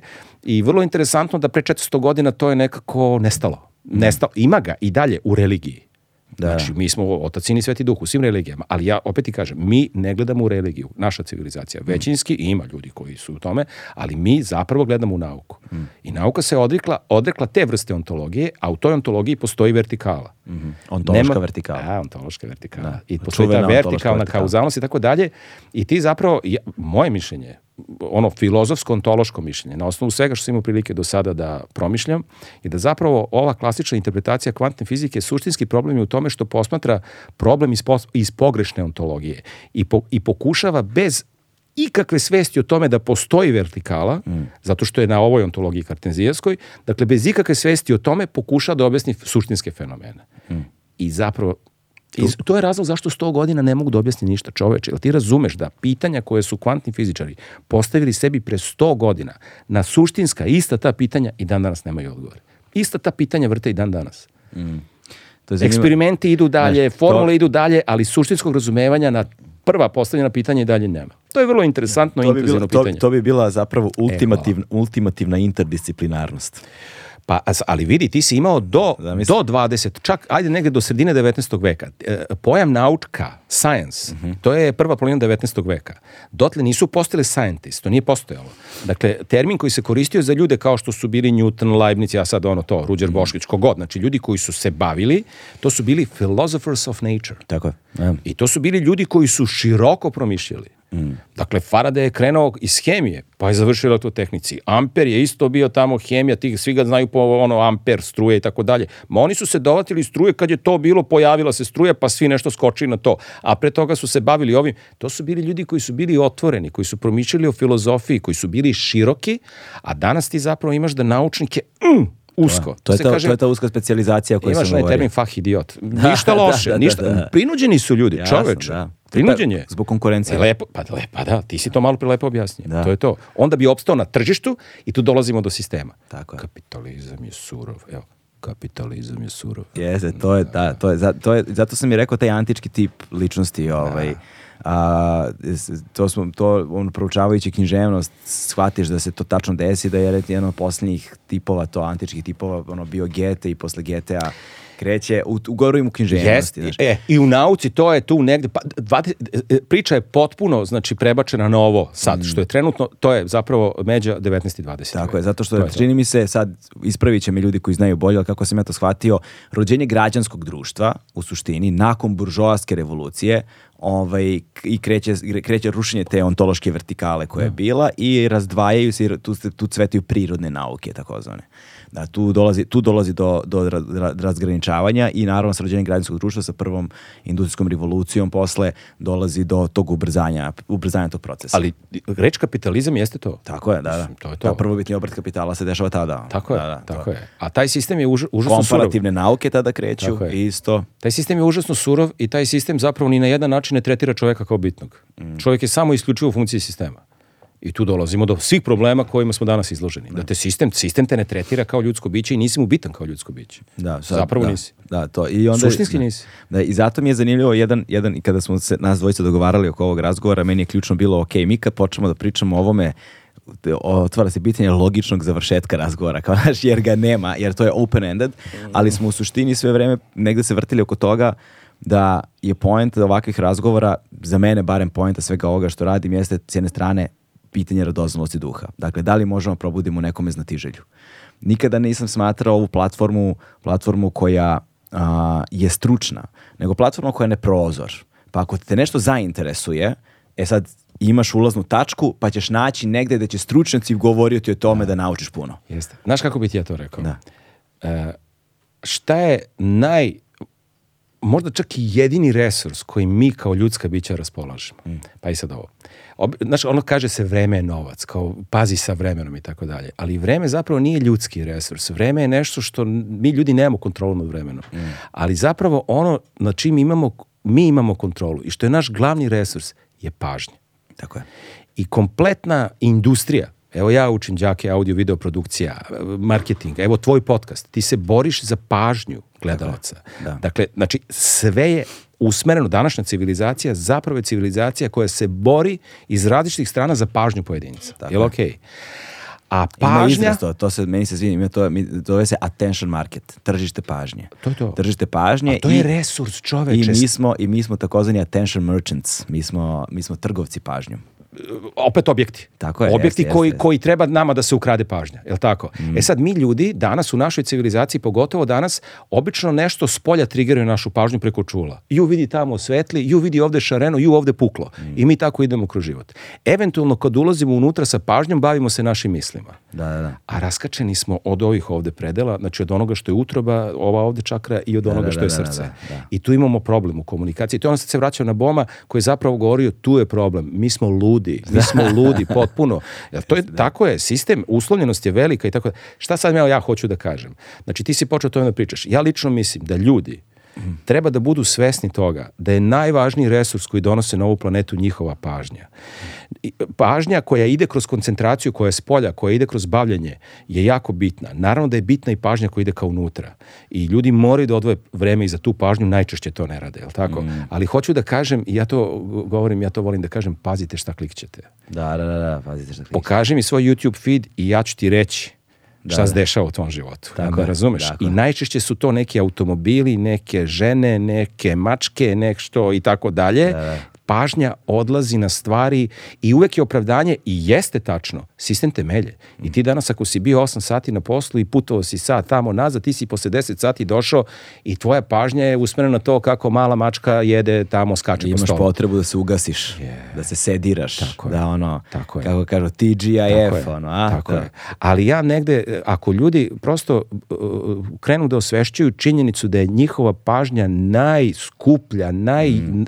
Ja mislim čak da je to jedini resurs koji mi zapravo raspolažemo. To je pravi, to je danas, je, danas, je to, danas je to glavni resurs, samo sekund. E, glavni? Ovu malu. Jel vidi, ti možeš da kažeš ja imam resurs, ja imam milione, ja imam kamione, e. ali opet to šta ćeš s milionima i kamionima uraditi isključivo zavisi od tvoje pažnje i fokusa tako na je, nešto. Tako, je, tako da. da zapravo ništa osim pažnje ne postoji.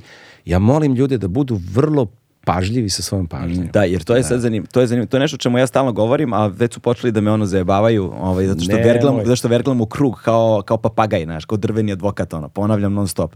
Dakle, živimo u vremenu tržišta pažnje ovaj, i kako kaže, ta, sad, ta, sad, sad je to već čuvena, ovaj, ču, čuvena krilatica koja je relativno skoro nasla, kaže, ako ne vidiš proizvod, ti si proizvod.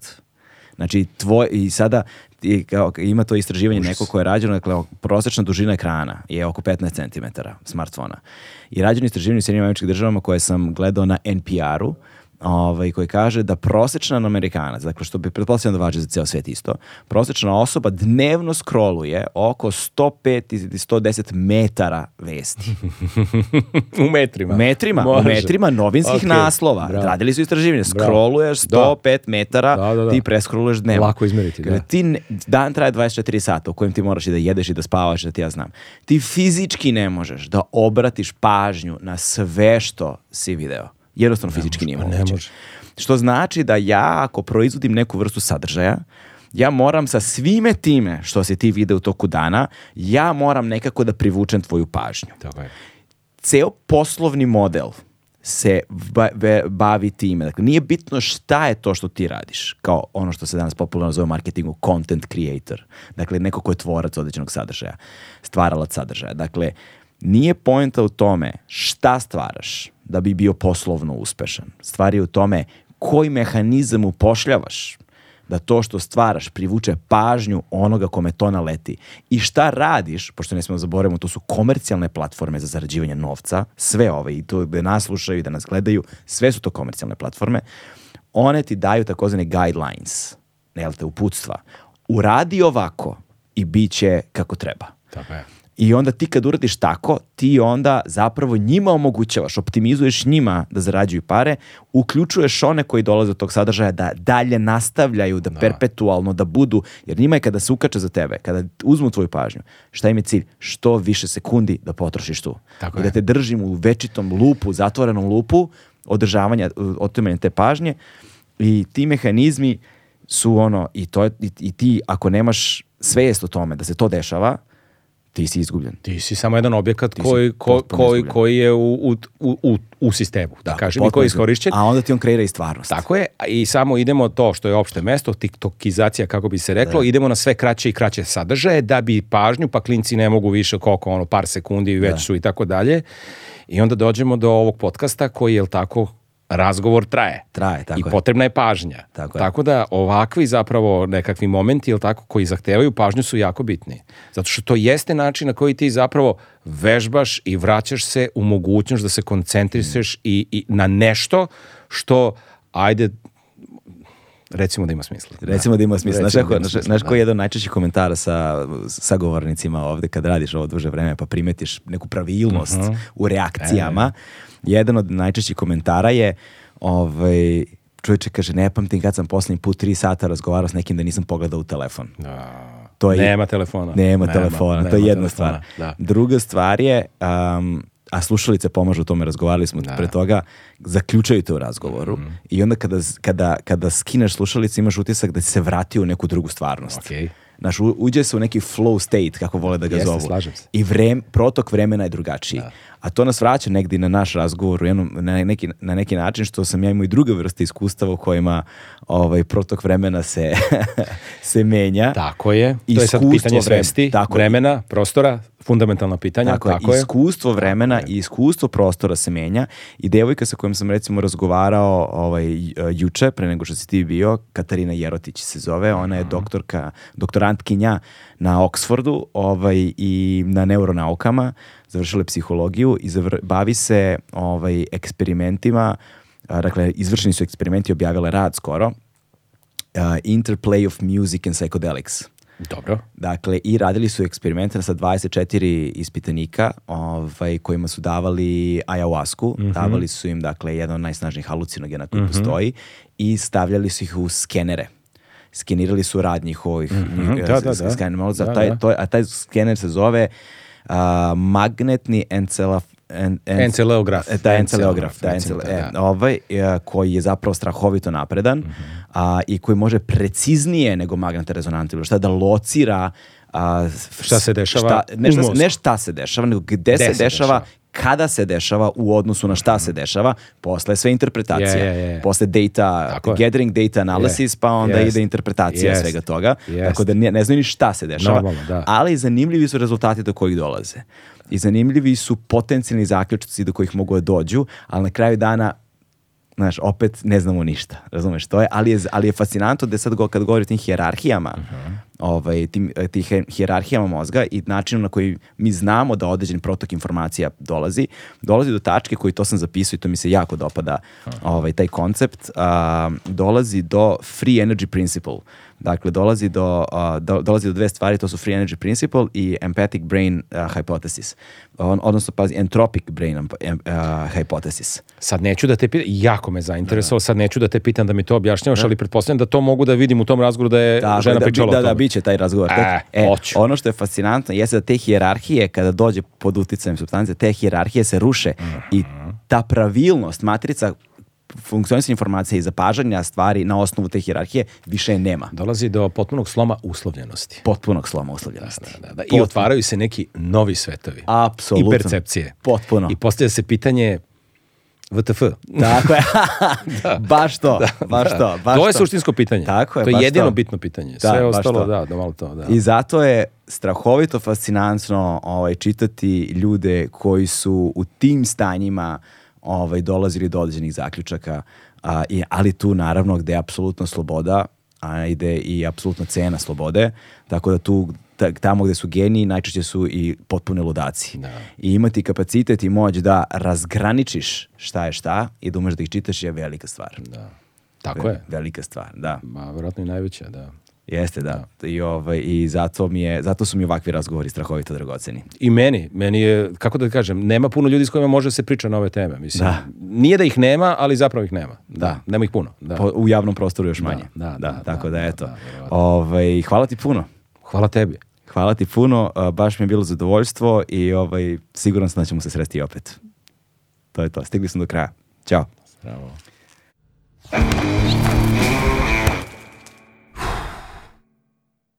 Hmm.